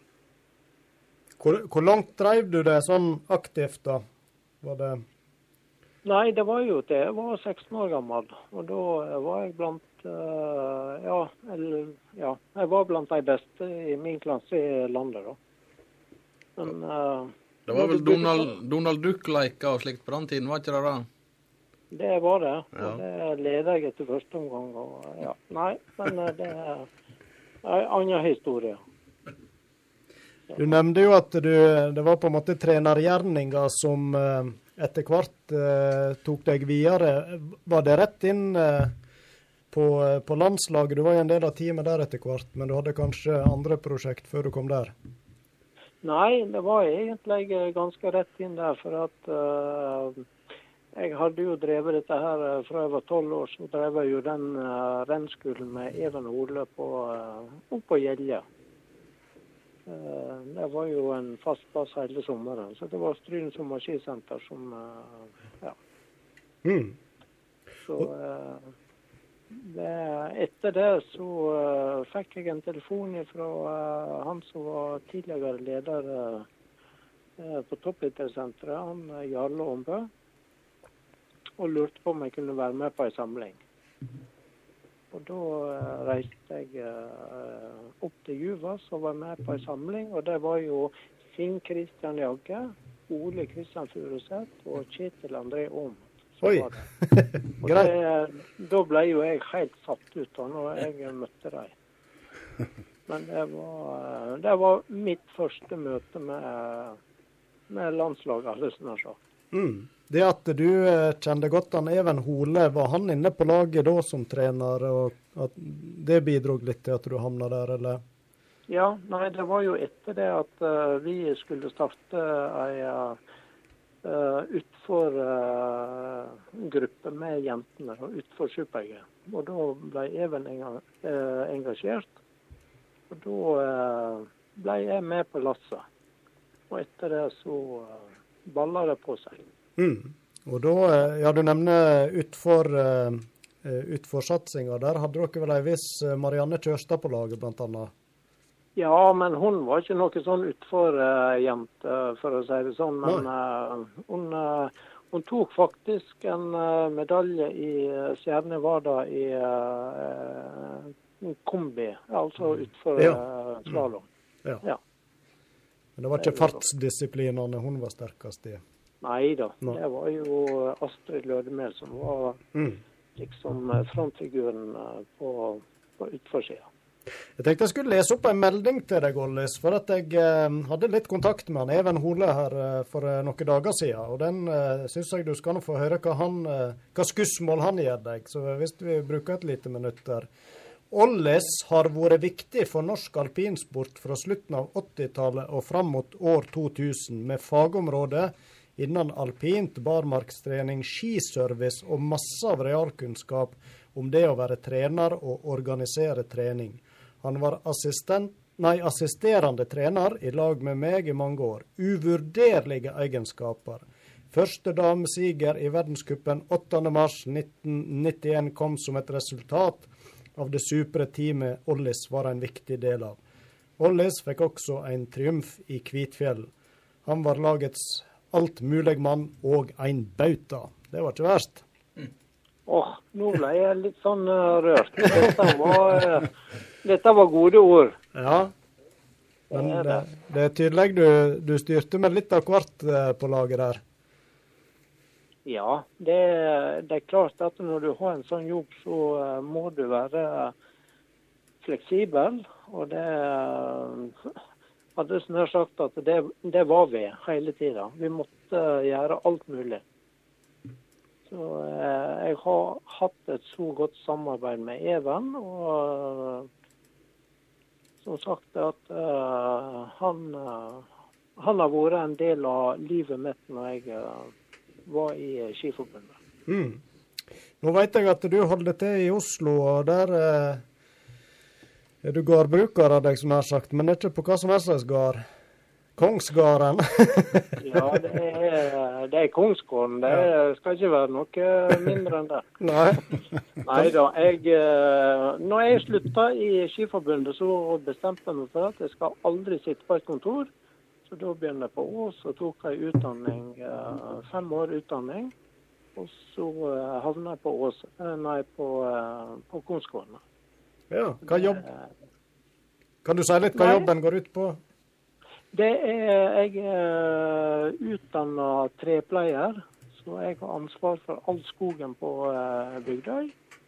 Men egentlig så er jeg eh, ja, jeg er en gårdsbruker, eh, rett og slett. Ja. Og trives. Om jeg trives. Ja. Det, det gjør jeg. Men jeg savner Stryn. Det må jeg si, ja. Ja, men det er nå godt å høre. Det liker vi som bor her, vet du. men du er vel kanskje innimellom på ferie? og Ja, det er altfor sjelden, men ja. skal bli flinkere. Det, Men, men hvordan er det med alpinten, da? Er du helt ute av det, eller har du noe engasjement der fortsatt, eller? Nei da, jeg er ikke helt ute. Jeg har hatt engasjement eh, i bl.a. i en klubb som eh, heter Heming i Oslo. Så jeg har vært med der og hjulpet til litt. Og nå er jeg med i en klubb som heter eh, Jan. Så ja. Nei, jeg, jeg driver fortsatt. Ja. Er det, som, er det som trener du engasjerer deg da i dag, eller? Eh, Både òg. Eller er du altmuligmann fortsatt? Ja. Men eh, det er klart eh, jeg er litt på Kvitfjell og er med og hjelper til. Og, og det er samlinger og sånne ting, så er jeg med og hjelper til. Eh, for jeg klarer ikke å legge dette bak meg. Det, det er livet mitt. Mm. Og så må jeg spørre, det kan hende du har vært innom det for så vidt, men eh, når du tenker tilbake på disse åra, eh, du var på landslaget og var tett på disse profilene, er det noe høydepunkt, gode minner du vil trekke fram? Å ja, det er mange. Eh, men eh, jeg må bare eh, ja, si det at de samlingene vi hadde på Strynefjellet, og bodde på Gjelle hotell da han Tor Gjelle var der, og Lorentz og Nei, det er fantastisk. Det er, det, det er sånne minner. og det er alle utøverne som var med på det, de gleda seg til de samlingene. For de visste hvor fint det var der. Så eh, det, det er en god opplevelse. Ja, vi savner jo litt denne tida der når eh, landslagene de sprada rundt i gatene her kanskje av og til. De dukka opp og, med landslagsdraktene sine, T-skjorte og sto og sverge på Norge og Ja, nei, men vi hadde det eh, veldig, veldig eh, koselig når vi var der. Og jeg vet at alle uh, jentene som var der, uh, som vi hadde der, de uh, gleda seg til hver eneste samling vi skulle ha på Strynefjellet. Så, Men det er klart det, det er mange andre ting. Det, er- du har jo OL på Lillehammer. Du har ja, VM eh, i Ja. Nei, det er så mye ting at du eh, Jeg veit ikke hvor jeg skal begynne. den. Men eh, jeg vil jo ta fram dette her med gjelde. eh, og eh, nei, det var Da følte jeg at da kom jeg hjem igjen. mm. Kunne være litt ekstra stolt å vise fram til alpinistene. Om jeg var, ja. Mm. Helt klart. Får du Ja. Nei, vi kunne reise ned til Stryn, og så var han der eh, Chris Mail, og så var det trampolinekongen, og så eh, Nei, så hadde vi eh, Vi hadde det fint der, altså. Det, det hadde vi. Hvordan er det da? Får du tid til å stå litt på ski sjøl òg, eller blir det mer å dra det, i? det gjør jeg. Mm. Nå har jeg uh, har hytte på Venabygdsfjellet, så jeg, jeg er der uh, Var der forrige helg og ja. Jeg koser meg der oppe. Du har ikke glemt gamle kunster? Å nei. det, det sitter i, i alle år, vet du. Ja. Det sitter i kroppen. ja. Det, nei da, det går fint. Veldig kjekt eh, at du eh, kunne ta deg tid til å være med her. Har dere karene noen spørsmål når han er på tråden her? Per og Per? Nei, jeg fikk vite at han, det var han som spilte fotball. Og da var du Da var han fornøyd? da. Jeg er Ja, nei, men eh, da kan jeg si til denne Per det at uh, han fulgte med på uh, sønnen min. Ja. Om han har fulgt med? Ja. Ja, nå eh, sitter han og Ja, tenker så det knaker. Ja. Tror du må hjelpe Ja. litt. Ja, hvis eh, Per han er så god i fotball, det vet jeg. Mm. Eh, Men hvis eh, han eh, tenker seg om hvem som skårer målet som sender eh, Tromsø ned i eh, Obos-ligaen. Hvem var det?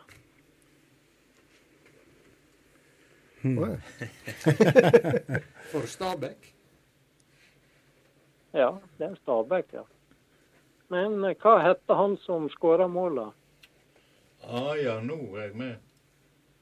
Um... Ja, er du med nå? Noen tenker, og noen googler, kan vi nå opplyse her i Jeg veit det, men jeg kommer ikke på navnet. Det er det som er problemet.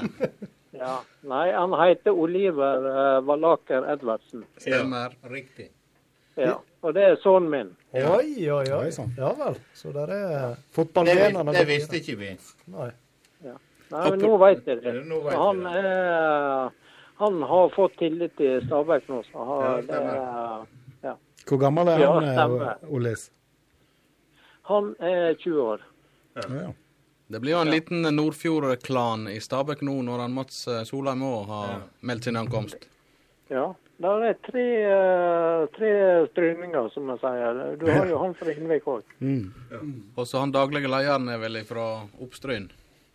Ja. Jeg vet ikke. Ja, det er ikke han Odd Gunnar i hvert fall. Nei, han holder seg i oppstryn, det kan du være sikker på.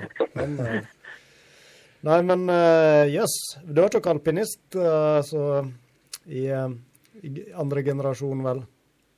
Eh, Det ble fotballspiller på deg?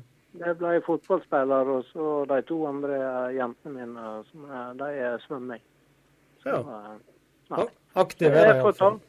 ja, Der, der lå jo litt kvalitet i fotballen din òg. Ja, ja, men det er lenge siden. Ja. Men jeg har ikke hørt noe fra noen Per. Fra meg? Per Utreide. Fra meg, ja.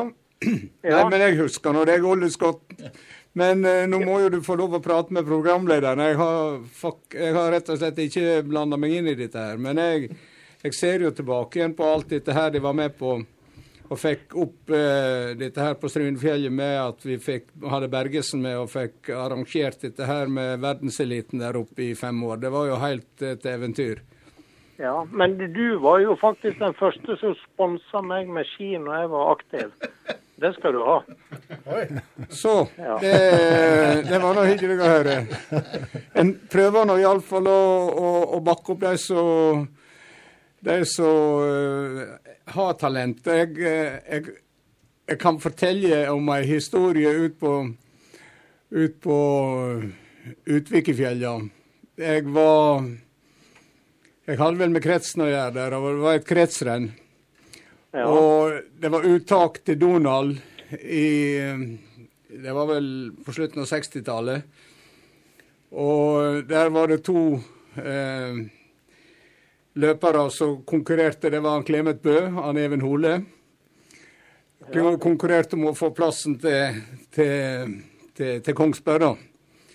Ja, ja. Og jeg, eh, jeg husker så godt han Even leda jo ganske mye.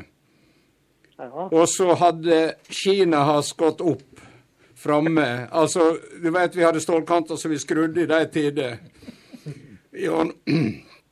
Og så hadde han mist skruen framme, så at stålkanten den peka ut.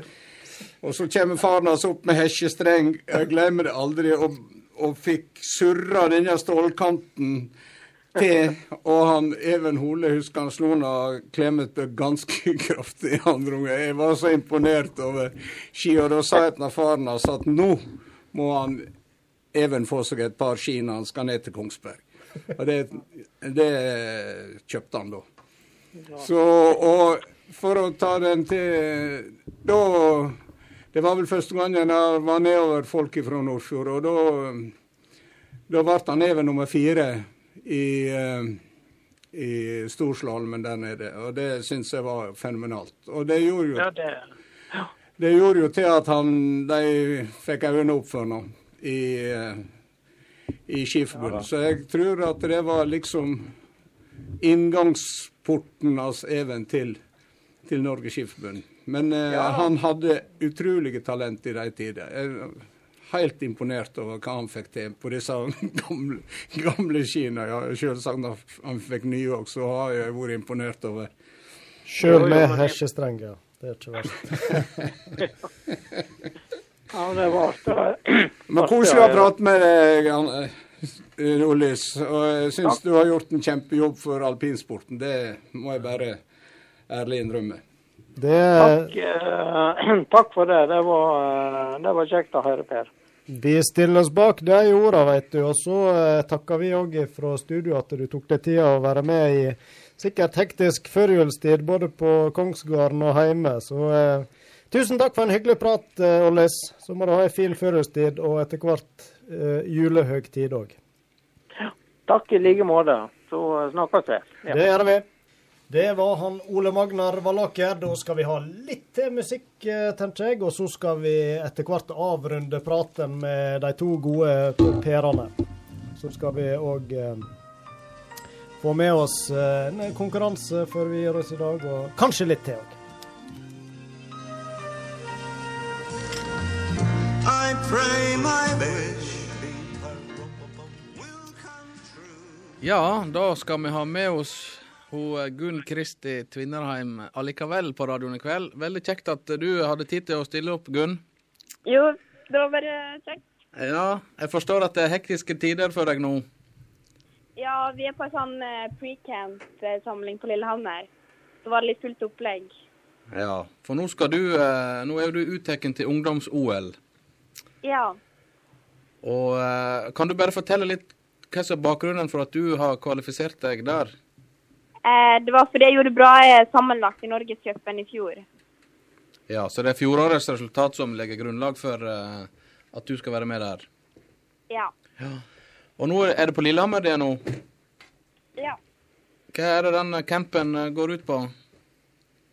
Det går ut på at vi skal bli kjent med de andre som skal reise, og trenerne og sånn. Og så får vi mye informasjon om hva som venter oss i Lausanne, og, og hva som skjer, egentlig. Masse informasjon. Ja. Er det sånn at eh, det er hele troppen som er samla, eller er det bare skiskytterne? Nei, her er fra alle mulige Hva heter det? Idretts... Alle mulige greiner, da. Ja. Det er jo et svært arrangement, dette der, med 2000 deltakere og, og eh, deltakere fra over 70 nasjoner. Ja. Det er ganske stort. Nå eh, gikk det jo renn i helga, og det er vel, eh, nå er det vel eh, har vært hektisk høst, og det blir enda mer hektisk eh, over nyttår. Men eh, nå på Lygna sist, så var du fornøyd med innsatsen der, eller? Ja, jeg var fornøyd med resultatet. Jeg hadde ikke venta at det skulle gå sånn som det gikk, da. Så det var positivt. Jeg så jo på normaldistansen der at du hadde tre fulle hus før siste skyting. Ja, litt dårlig mentalt på siste der, kanskje. Begynte du, begynte du å tenke for mye da, eller? Ja, kanskje litt. Ja, ja, ja. ja. Men andreplass må jo være mer enn godkjent. Ja, nei, jeg er fornøyd med det.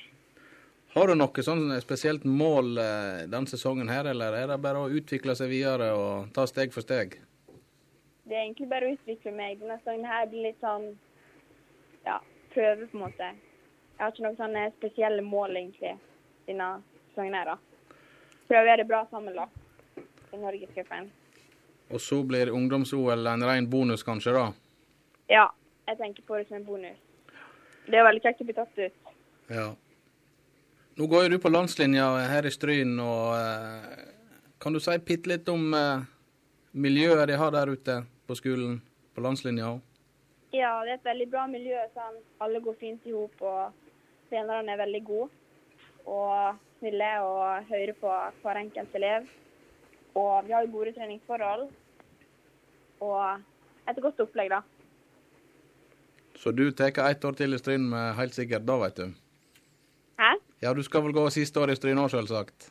Ja, det skal jeg. Du har òg med deg han eh, Emil Hage Streitlien. eh, Han òg skal være med i ungdoms-OL. Har vi han Emil der? Ja, hallo. Hei, Emil. Eh, Du kommer fra Folldal, stemmer ikke det? Jo, stemmer bra det. Og for oss som eh, bor i Stryn, kan du bare forklare kjapt hvor vi finner Folldal på kartet? Det er noe, blir noe midt i Hedmark, det da. Midt i, på, på flatbygdene? Ja. Men du eh, begynte på landslinja i Stryn nå i høst. Ja, det stemmer. da. Gikk du på noen landslinjer i fjor, eller? Ja, da gikk jeg på landslinje eh, skole i Tynset som het eh, Nord-Østerdal videregående skole. da. Så eh, gikk turen til Stryn. Ja, det stemmer. Kan du si litt om hvordan du har opplevd de første tre-fire månedene på landslinja her? Nei, Jeg, jeg syns det var veldig bra. da. Eh, første jeg merka, var at eh, trenerne var eh, veldig greie og eh, ble godt kjent med meg. Og så kom du veldig nær dem, da. De ville ha litt sånn personlig forhold med deg og sånn. Så det likte jeg veldig godt. Ja. Ja.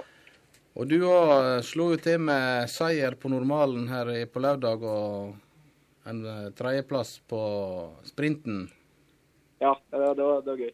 Har du noen sånn spesiell eh, favorittdistanse, eller?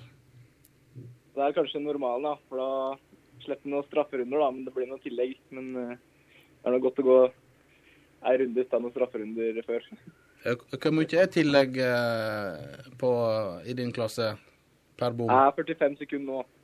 Akkurat, ja. Så da eh, du hadde to bom, ser jeg, på normalen? Ja. Og da utklassa du jo konkurrentene med nesten to minutter. Eh, ja, det ble noe såpass. Ja. Det, det er ikke verst, det, da. Har du noen spesielle mål for sesongen, eller?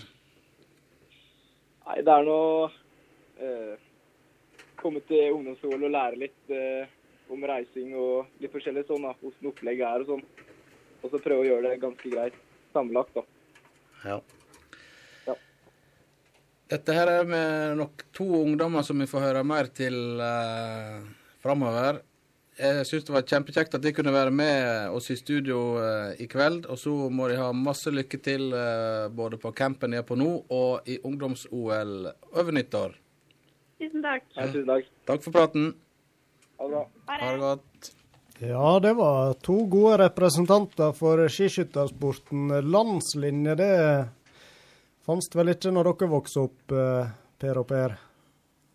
Nei. det, det er litt andre tilbud nå for de som har lyst til å satse. Men eh, hva dere, følger dere litt med på lokalsport, sånn utenom fotballen og, og det, eller er det interesse for skiskyting? Og... Vi kaller det vel sportsidioter, det er iallfall jeg. ja. Du er altetende? Ja. ja. Så hun Gunn Kristi, hun har du hørt om før? Ja. ja.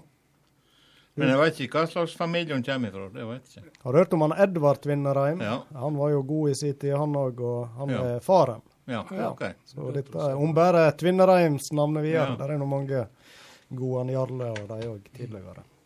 Hvor er det med deg, da? Er du interessert i alt av sport, du, Perit Reid, eller blir det mest fotball, eller hvor det er?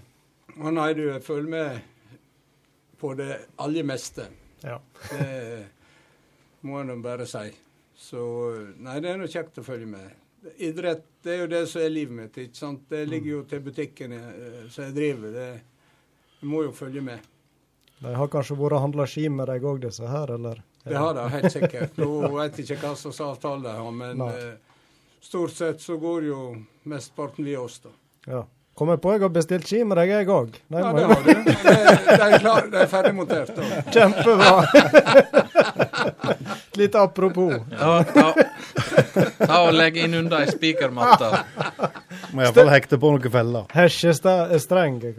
Vi kan jo nevne at jeg og Per er jo sterkt engasjert i noe som heter Nitimen.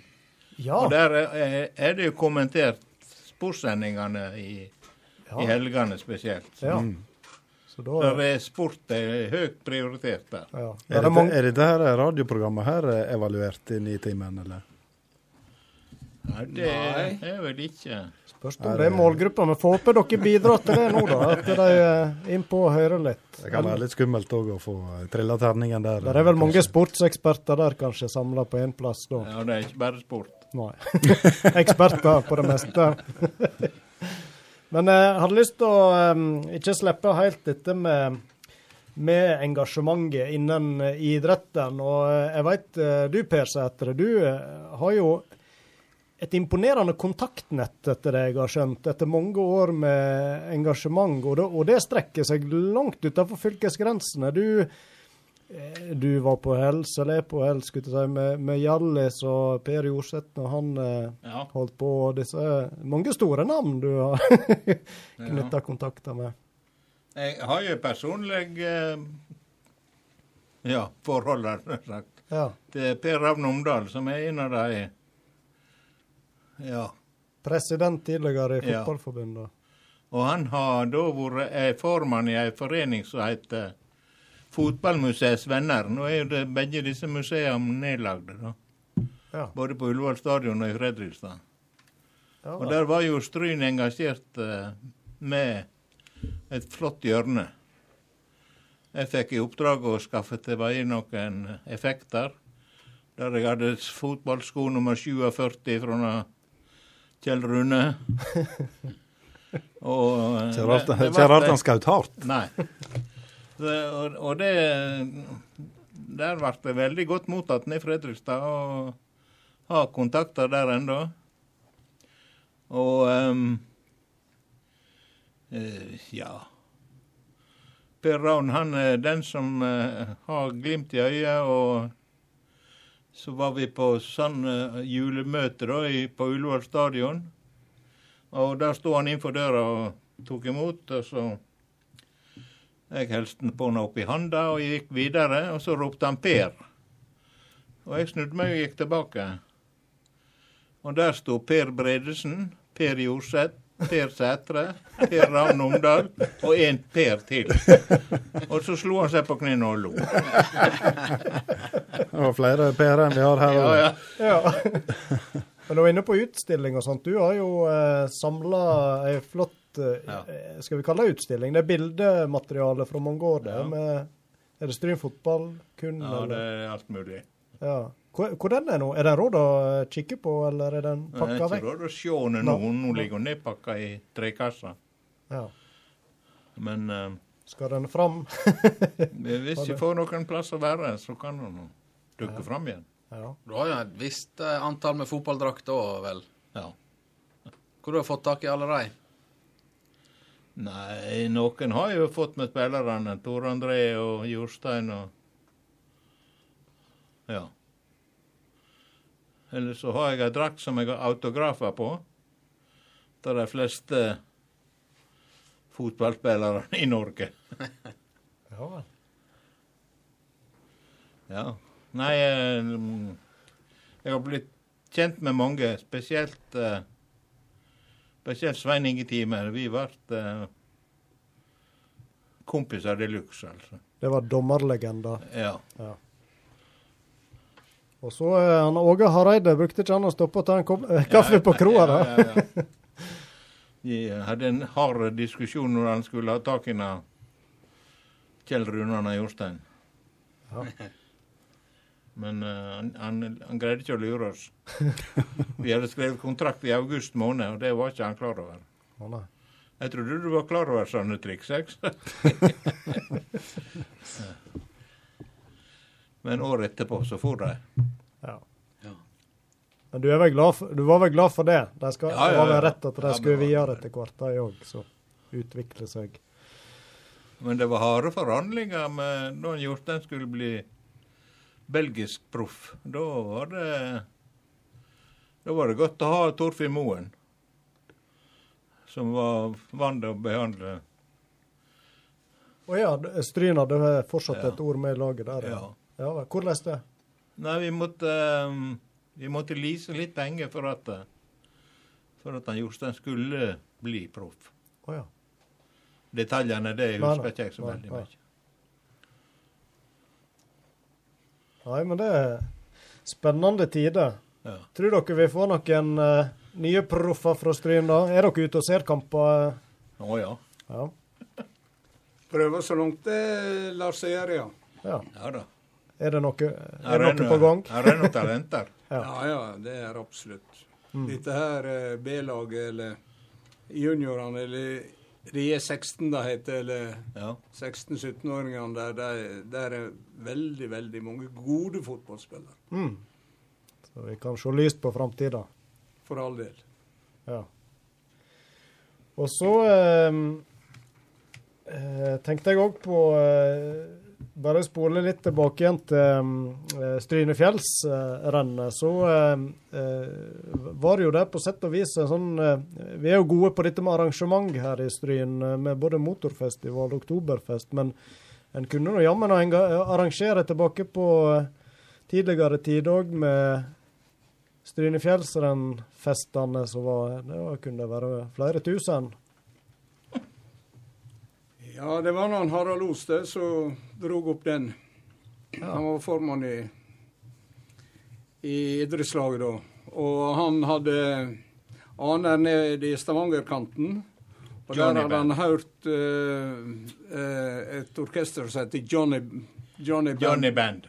Oh, ja. I Stavanger, men kom, jeg vet ikke hva de kom ifra. Var det fra, eh, nei, det var vel fra Stavanger de kom. Og dette der var om vi skulle tørre å engasjere dem. Ja. Og det ble nå gjort. De kom nå opp her, og det, det traff jo midt i blinken. Så vi hadde jo noen år der vi fikk lov å arrangere med eh, Ja, det var vel eh, Norges beste orkester, og det som trakk, ikke sant. Det var vel Kjell Karlsens orkester var vel der i to år iallfall. Og Vanguards med Terje Rypdal var jo her. Så det var jo det var jo utrolig gode orkester vi hadde, helt til liksom vi ville utvide det enda litt til å gå over til Sverige og få topporkester fra Sverige. Da sa dessverre lensmannen stopp. Det var ikke snakk om å få arrangere noe mer. Å nei. Nei. Så vi, vi ble altså stogga av eh, det offentlige. Skjønner ikke hvorfor, men da hadde jo vi lagt et utrolig godt grunnlag. Og så, når du fikk linja midt på trynet, Ja. så var det vel bare å, å legge inn årene. Og da var det jo andre som poppa opp. Ja. Så fikk arrangere store eh, eh, sånne musikkfester med med kjente folk og Disse her festene, hva de eh, foregikk hen? på Stryn stadion. Hadde et stort telt. Sirkustelt. Oi. Så dette var idrettslaget som sto for festen? Ja, da? det var inntekter til Stryn turn- og idrettslag. Altså, vi hadde vel vi hadde vel Ja, jeg husker ikke pengetall på penger, men vi husker vi lurte på om vi kunne ta ti kroner billetten. Ja, jeg var billettsjef et år. Og så um, skulle jeg i banken med pengene. Og da uh, var det bestemt at uh, jeg skulle ha Geir Widhammer som eskorte. Uh, tenkte det beste føler det, sa han. Og det for vi. Og um, så traff jeg Kjell Karlsen inn i Oslo nå, for to år siden, tenkte jeg. Og gikk bort og hilste på han selvfølgelig, og jeg var fra Stryn. Ja, der var det mye folk, sånn. Så det gjorde inntrykk på deg òg? Ja. Ja, så sa jeg det at jeg var billettsjef et år og var i, for i banken med 90 000 kroner. Og, og satte inn. Sier du det, sa far? Fare, ble det så mye? ja, det var bare billettinntekten, sa jeg. Så det var mye penger ute og gikk. Ja, 90 000 da, det Ja. kan vel omregnes til mange hundre tusen det med nå. ti? Ganger med ti, ja. Ja, det kan du. Yes, ja. da er det betydelig for et idrettslag.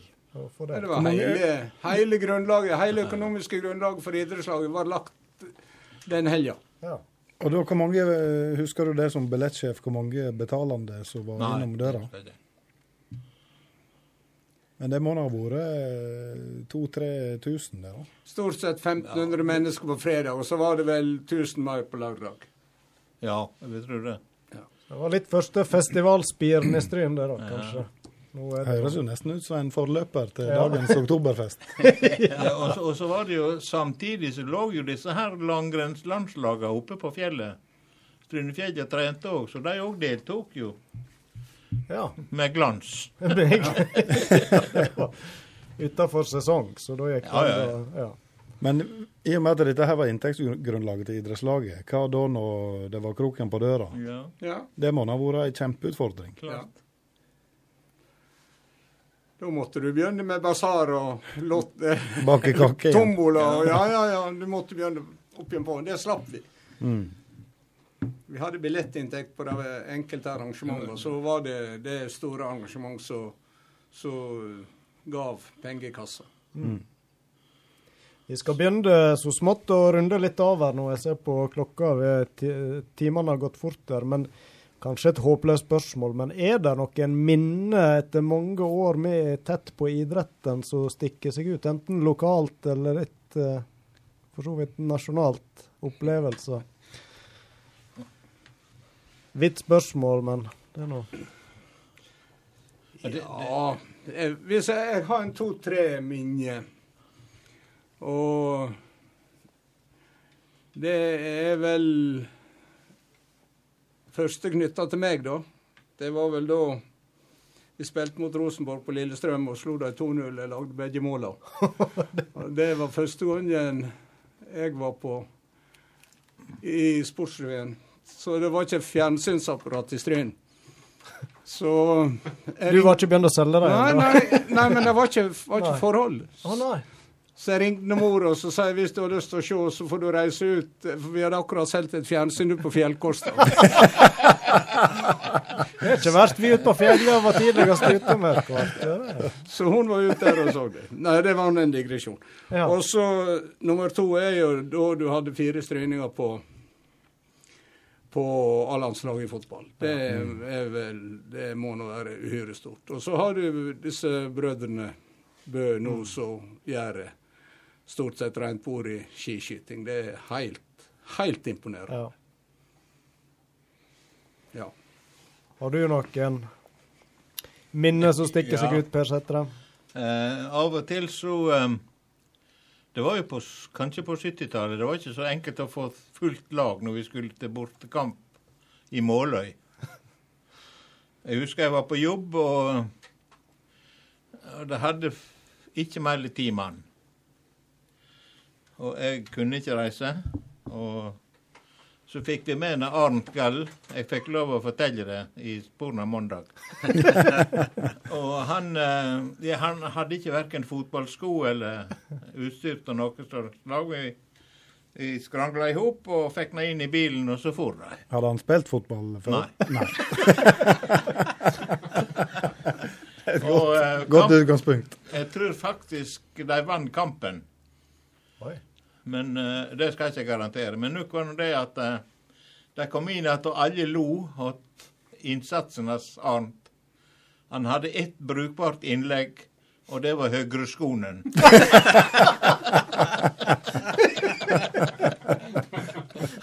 og så, etter de hadde skulle i garderoben og kle av seg, så oppdaget han det at uh, det var nummer på drakta hans. Er nummer på, sånn. Da kjenner han meg igjen òg, da. Ble det med den ene kampen? Ja, eller? det ble Å, med den ene kampen. Ja, kan jeg kommer ikke på noe kan jeg i farten. Men. Det er ikke et verst. Det er et godt høydepunkt fra idrettslivet. Nei, men det var veldig artig å ha dere med her og høre litt tilbake igjen om eh, hine håredager, som vi sier. Det, tidene har forandra seg. Å ja. Ja. Til det bedre, eller? Hva dere sier Jeg veit ikke. Alt, alt var vel bedre før? Vi hadde nå et uh, jubileumsfest på dette 84-laget nå ja, i 14. Ja. Ja, stemmer det. Det var, det var en kjekk stund. Ja. Mm. Og Jeg da husker jeg så, alle- så lagbilder av det. Ja. Mm. Da jeg møtte opp eh, Ja, jeg tror alle var med. Ja. Da hadde de det på skisenteret og Ja. Det var sikkert ei god uh, mimrestund. Ja, det ble det. Mm. Ja, vi hadde jo 62 festdag inne på Tonningstova. Var ikke du med, Per? Det burde jeg ha vært med på. Jeg, Jeg lå og, og så tenkte jeg òg noen som var med på det lageret i 62, som fikk komme til bare til ti stykker. Og så glemte jeg en som var meierist her, eller var på meieriet, som heter Ola Arnstad. Og Han var en av de bedre på laget, så han eh, hadde jeg glemt ute. Skal, skal vi ta 62-laget? Har du det på nå? Eh, ja. ja. Det var Birger Sunde i mål. Var det Per Kyrkjeide. Arne Nedreberg. Ivar Hagen. Per i tredje tenker jeg var høyre midtbane. Stemmer det, ja? Lag med stabben, da. Ja. Ja. Og så var det Asbjørn Sunde, Ola Arnstad, Per Sætre, Gunnar Beines og Lyngve Flo. Oi, oi, oi. For et lag. Kjente ikke alle navnene, men halve laget, og der var mye To hurtigtog eh, på topp, da. Ja, Vi vant jo 6-2, så det var ikke noe tvil. Suverent. Tusen takk, eh, Per Sætre og Per Ytre Eide, for eh, veldig hyggelig besøk i Sport om spa-studio. Da eh, får vi egentlig Vi kan vel si god jul nå. Det begynner å rykke tett innpå her. Og så eh, håper jeg får eh, noen fine dager med ferie etter hvert. Så da eh, Mm. sier vi tusen takk eh, til dere. Skal vi spille litt musikk, Mariah Carey, og så skal vel vi eh, tre karene her eh, avrunde litt etter hvert med et ord og uttrykk òg, kanskje. Yep. Kanskje. Yep. vi får se. God jul, ja. God jul.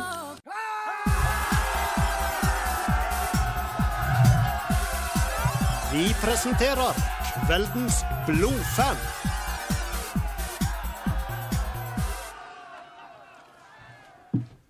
Oi, ja. Det var noe Sitter vi som noen spørsmålstegn, eh, tre stykker her. Eh, Kveldens blodfan, han har vel gått? Han har ikke gått. Nei, han har ikke det. Har ikke han? Nei. Vi har en blodfan i studio. ja. I hvert fall ifra nå. Roy Aron, du er kveldens blodfan. Ja, Nå ser han litt overraska ut, for dette her veit ikke han Roy Aron om i det hele tatt. Jeg veit ikke sna, Snaga ikke pottekanten, som de sier Nei, nei, nei, det- nå skjønner jeg ingenting. Nei, du skjønner det, Roy Aron. Vi har jo tenkt altså, Jeg og Frank vi er jo over snittet interessert i Liverpool, fotball. Og så har du sett her hver en, eneste sending, og du, eh, du Du har liksom ikke noen klubb, du. Nei, jeg er klubbløs, iallfall på fotballsida. Ja, men uh, du er ikke klubbløs lenger. Altså, det- Nå har vi altså tatt valget for deg, eh, Roy Aron. Okay, nå er Vi har eh, meldt deg inn i en uh, supporterklubb. Og det er vel Altså, vi snakker England da, selvfølgelig. Ja, OK. Ja. Eh, så du er nå der medlem nummer 290. I den klubben. Oi! Hva divisjon er vi i, da? Vi snakker om Vi har, vi har henta inspirasjon av en gjest som vi har hatt i studio. Vi er championship. Vi Så, er så det, er, det er ikke så langt ifra toppen. Er han uh, Per Eikenes? Nei? Per Eikenes var- er vel eh, Er inspirasjonskjelda vår her, ja. Ja. Og nå skal du høre det, Roy Aron, ja. at jeg var i kontakt med redaktør og kasserer i Luton Norge. Thomas, Thomas Møller. Og han syntes det var kjempestas at du skulle bli medlem i, eh, i klubben. I den norske Ja, supporterklubben til Luton Town. Artig. Da må jeg begynne å følge med òg, da. Men da kunne jo han opplyse om at Per Eiknes han var ikke medlem i klubben. Oi. Så hvis du hører på Per, meld deg inn, så får du eh, bli med Thomas Møller i Players Lounge på Kenilworth Road neste gang du er der. Og da blir han antageligvis medlem nummer 291. Ja, Jeg riktig. tror ikke Jeg tror ikke det er noen imellom der. Nei, jeg tror ikke jeg. Jeg snakker i Norge, da. Norske supporterklubben, ja. Ja. Eh, Så, så du, eh, Roy Aron, du er medlem nummer 290, og vi har laga en eh, jeg lager en liten plansjett. Da må du til kanskje- kanskje du kan vi- vise den opp En på ung, ung og Jeg kan vise lovende Myklebust. Jeg kan vise den på eh, skjermen et lite øyeblikk. Her er ikke det overlatt noe til tilfeldighetene. Dette var jo gjennomført. Jeg, blir, jeg vet ikke om jeg rørt er riktig å si, men det var iallfall uh, Dette syns jeg var imponerende. Ja. Bare holdt Og det da kan du, Frank, det, det står jo noe bakpå denne her. eh, Får jeg Ja, spille bare få på meg headsetet igjen. Så um, har vi da laga en liten sånn eh, Vi kan jo ta et bilde av han og legge ut på Facebook-sida vår. Uh, en liten sånn eh, slags diplom nå, der det Mm. står uh, Luton Town Supporters Club of Scandinavia. Scandinavian Hatters. Medlem nummer 290, Roy Aron Myklebust. Og så fant jeg da et uh, litt staselig bilde av deg på internett. Eh, Tidlig 2000-tall, I et par overkropp. Og så ei lita hilsen fra dine kompanjonger Å, nedi med hjørnet. Men baksida her Dette her blir da puggestoff til deg i jula, Roy Aron, for der står en del sånne facts om Luton Town som eh, en god supporter selvfølgelig må vite om. Okay. Det er litt sånn hvem som har mest kamper, mest mål, osv., osv. Hvor mye de har vunnet og sånn. Og det tar ikke så lang tid å, å lære seg. Kort CV. Det er gjort på litt julaften, iallfall. Ja, det Så det, Roy Aron, eh, høytidelig overrekking. Vær så god, og gratulerer eh, med favorittlag. favorittlag. Mitt favorittlag. Jeg kjenner jeg liker det litt. Jeg, jeg, jeg, Luton tusen- Town. Tusen takk. Ja, dette setter jeg pris på. Så da er i alle fall to Luton Town-supportere i Strynebygda. Ja, Vi tykte jo litt synd på en Per. Sant? Han sa den nærmeste supporter var vel i Stavanger eller et eller annet. Og så muligens Volda.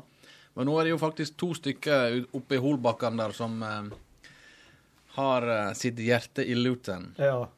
Det tar nok litt tid å liksom få det helt sånn eh, det kjenslemessige båndet, men Mm. eh, jeg skal si- jobbe med det. Det jeg kan si, da, Aron, er at eh, jeg og han Frank, eller det er vel faktisk jeg, som har betalt medlemskontingent Ja, jeg skulle vippse deg halvparten. Ja. Vips meg 75 kroner, takk. Oi, OK. Ja, men det er postbandert påspandert godt. Nei, vi har spandert medlemskap eh, for sesongen 2019-2020.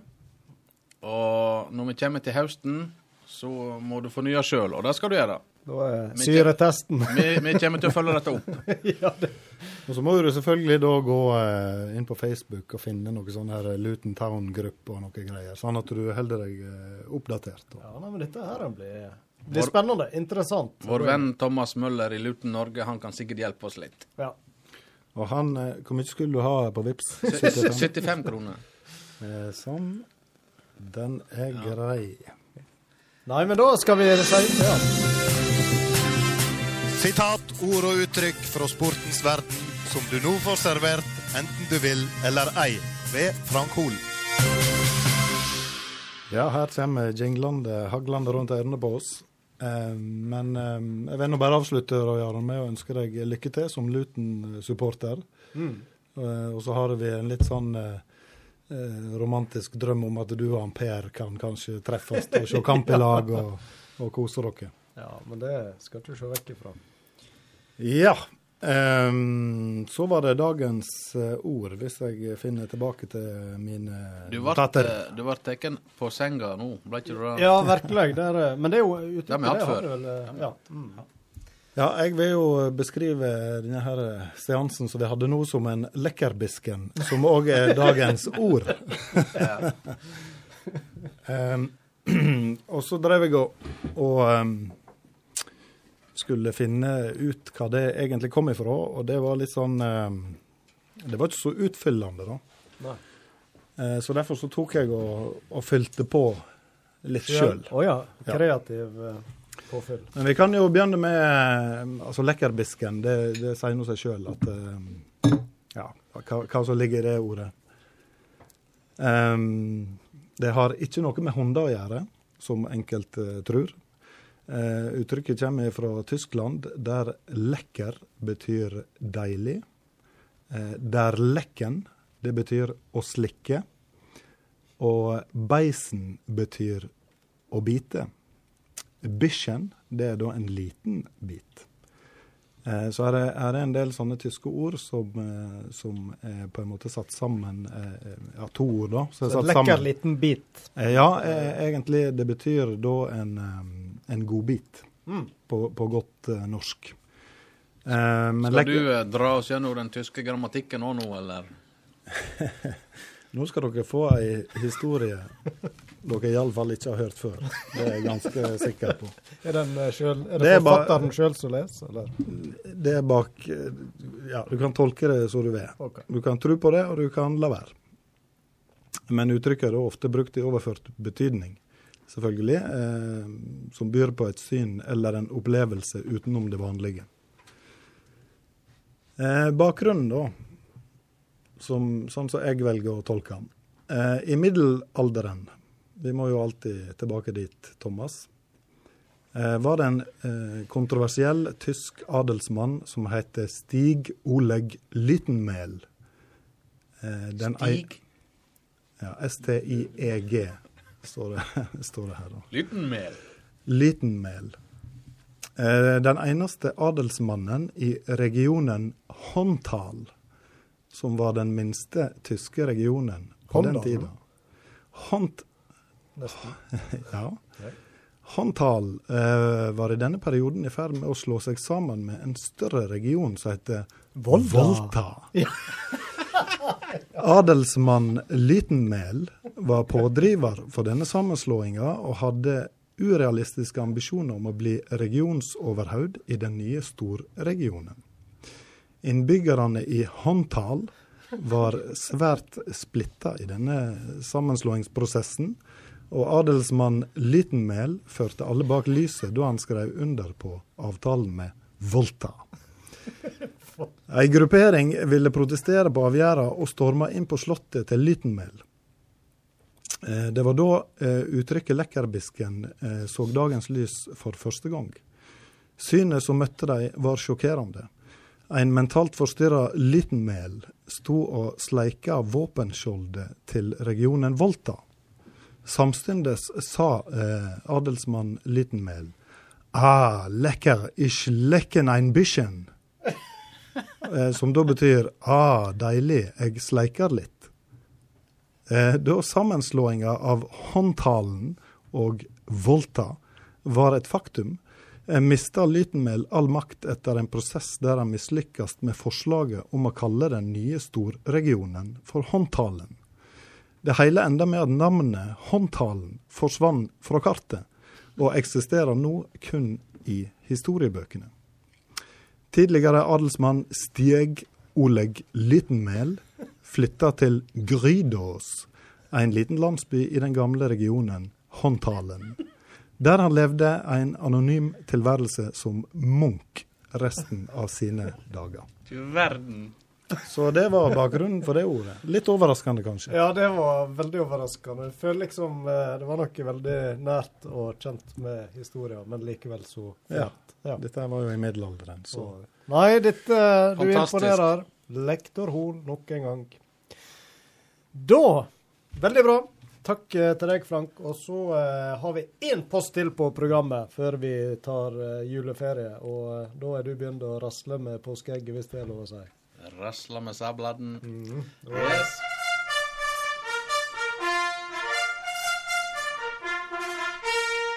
Der kom han, veit du. Nå er det jo en stund siden vi hadde sending. Eh, Er det noen som husker spørsmålet vi hadde sist? Nei.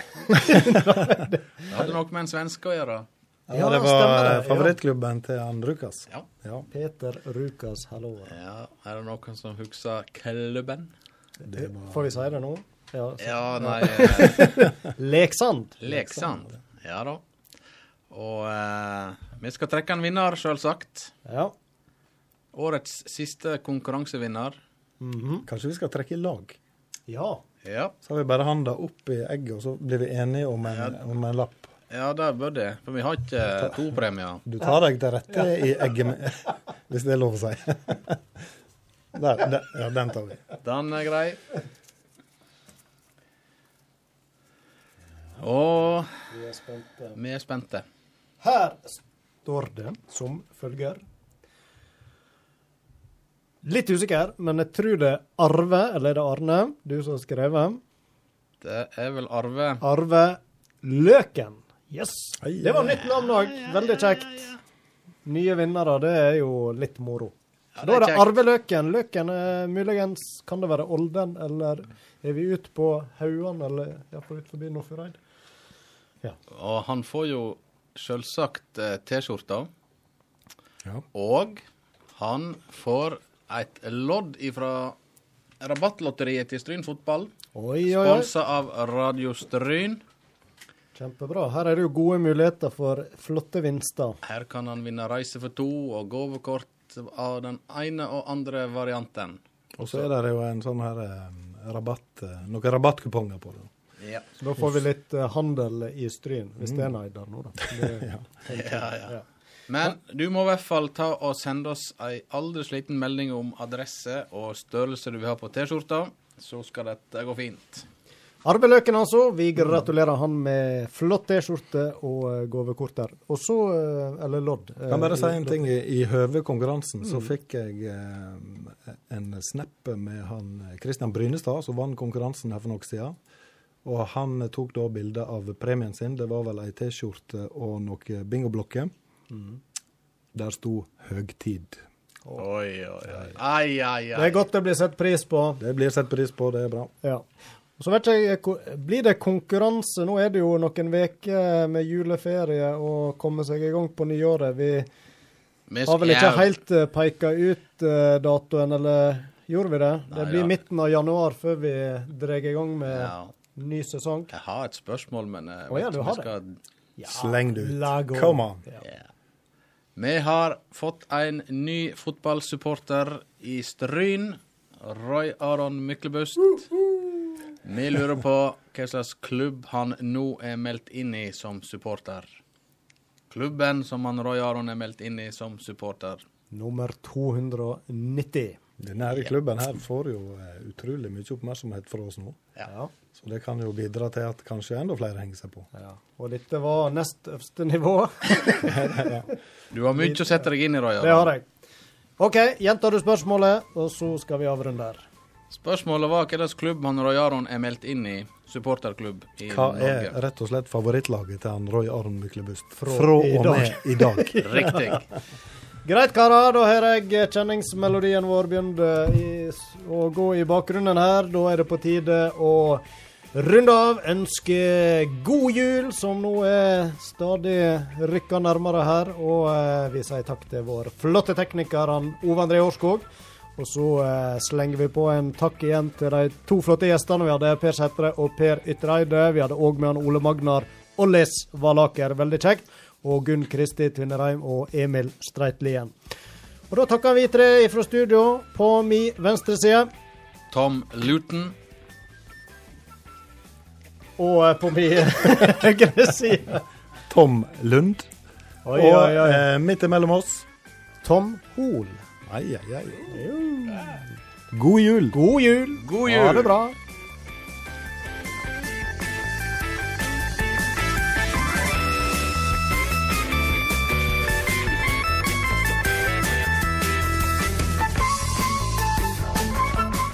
Har de endelig hørt meg og mase midt om plass.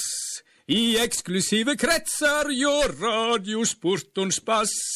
Her sit eg stram og slank blant FM-bandets konger, Roy Thomas og han Frank. Kjøpmann André Oppheim og Bumpris Olden er stolt sponsor av Sportons Spas i sesong to. Å ja! Jeg hører på Radio Stryne.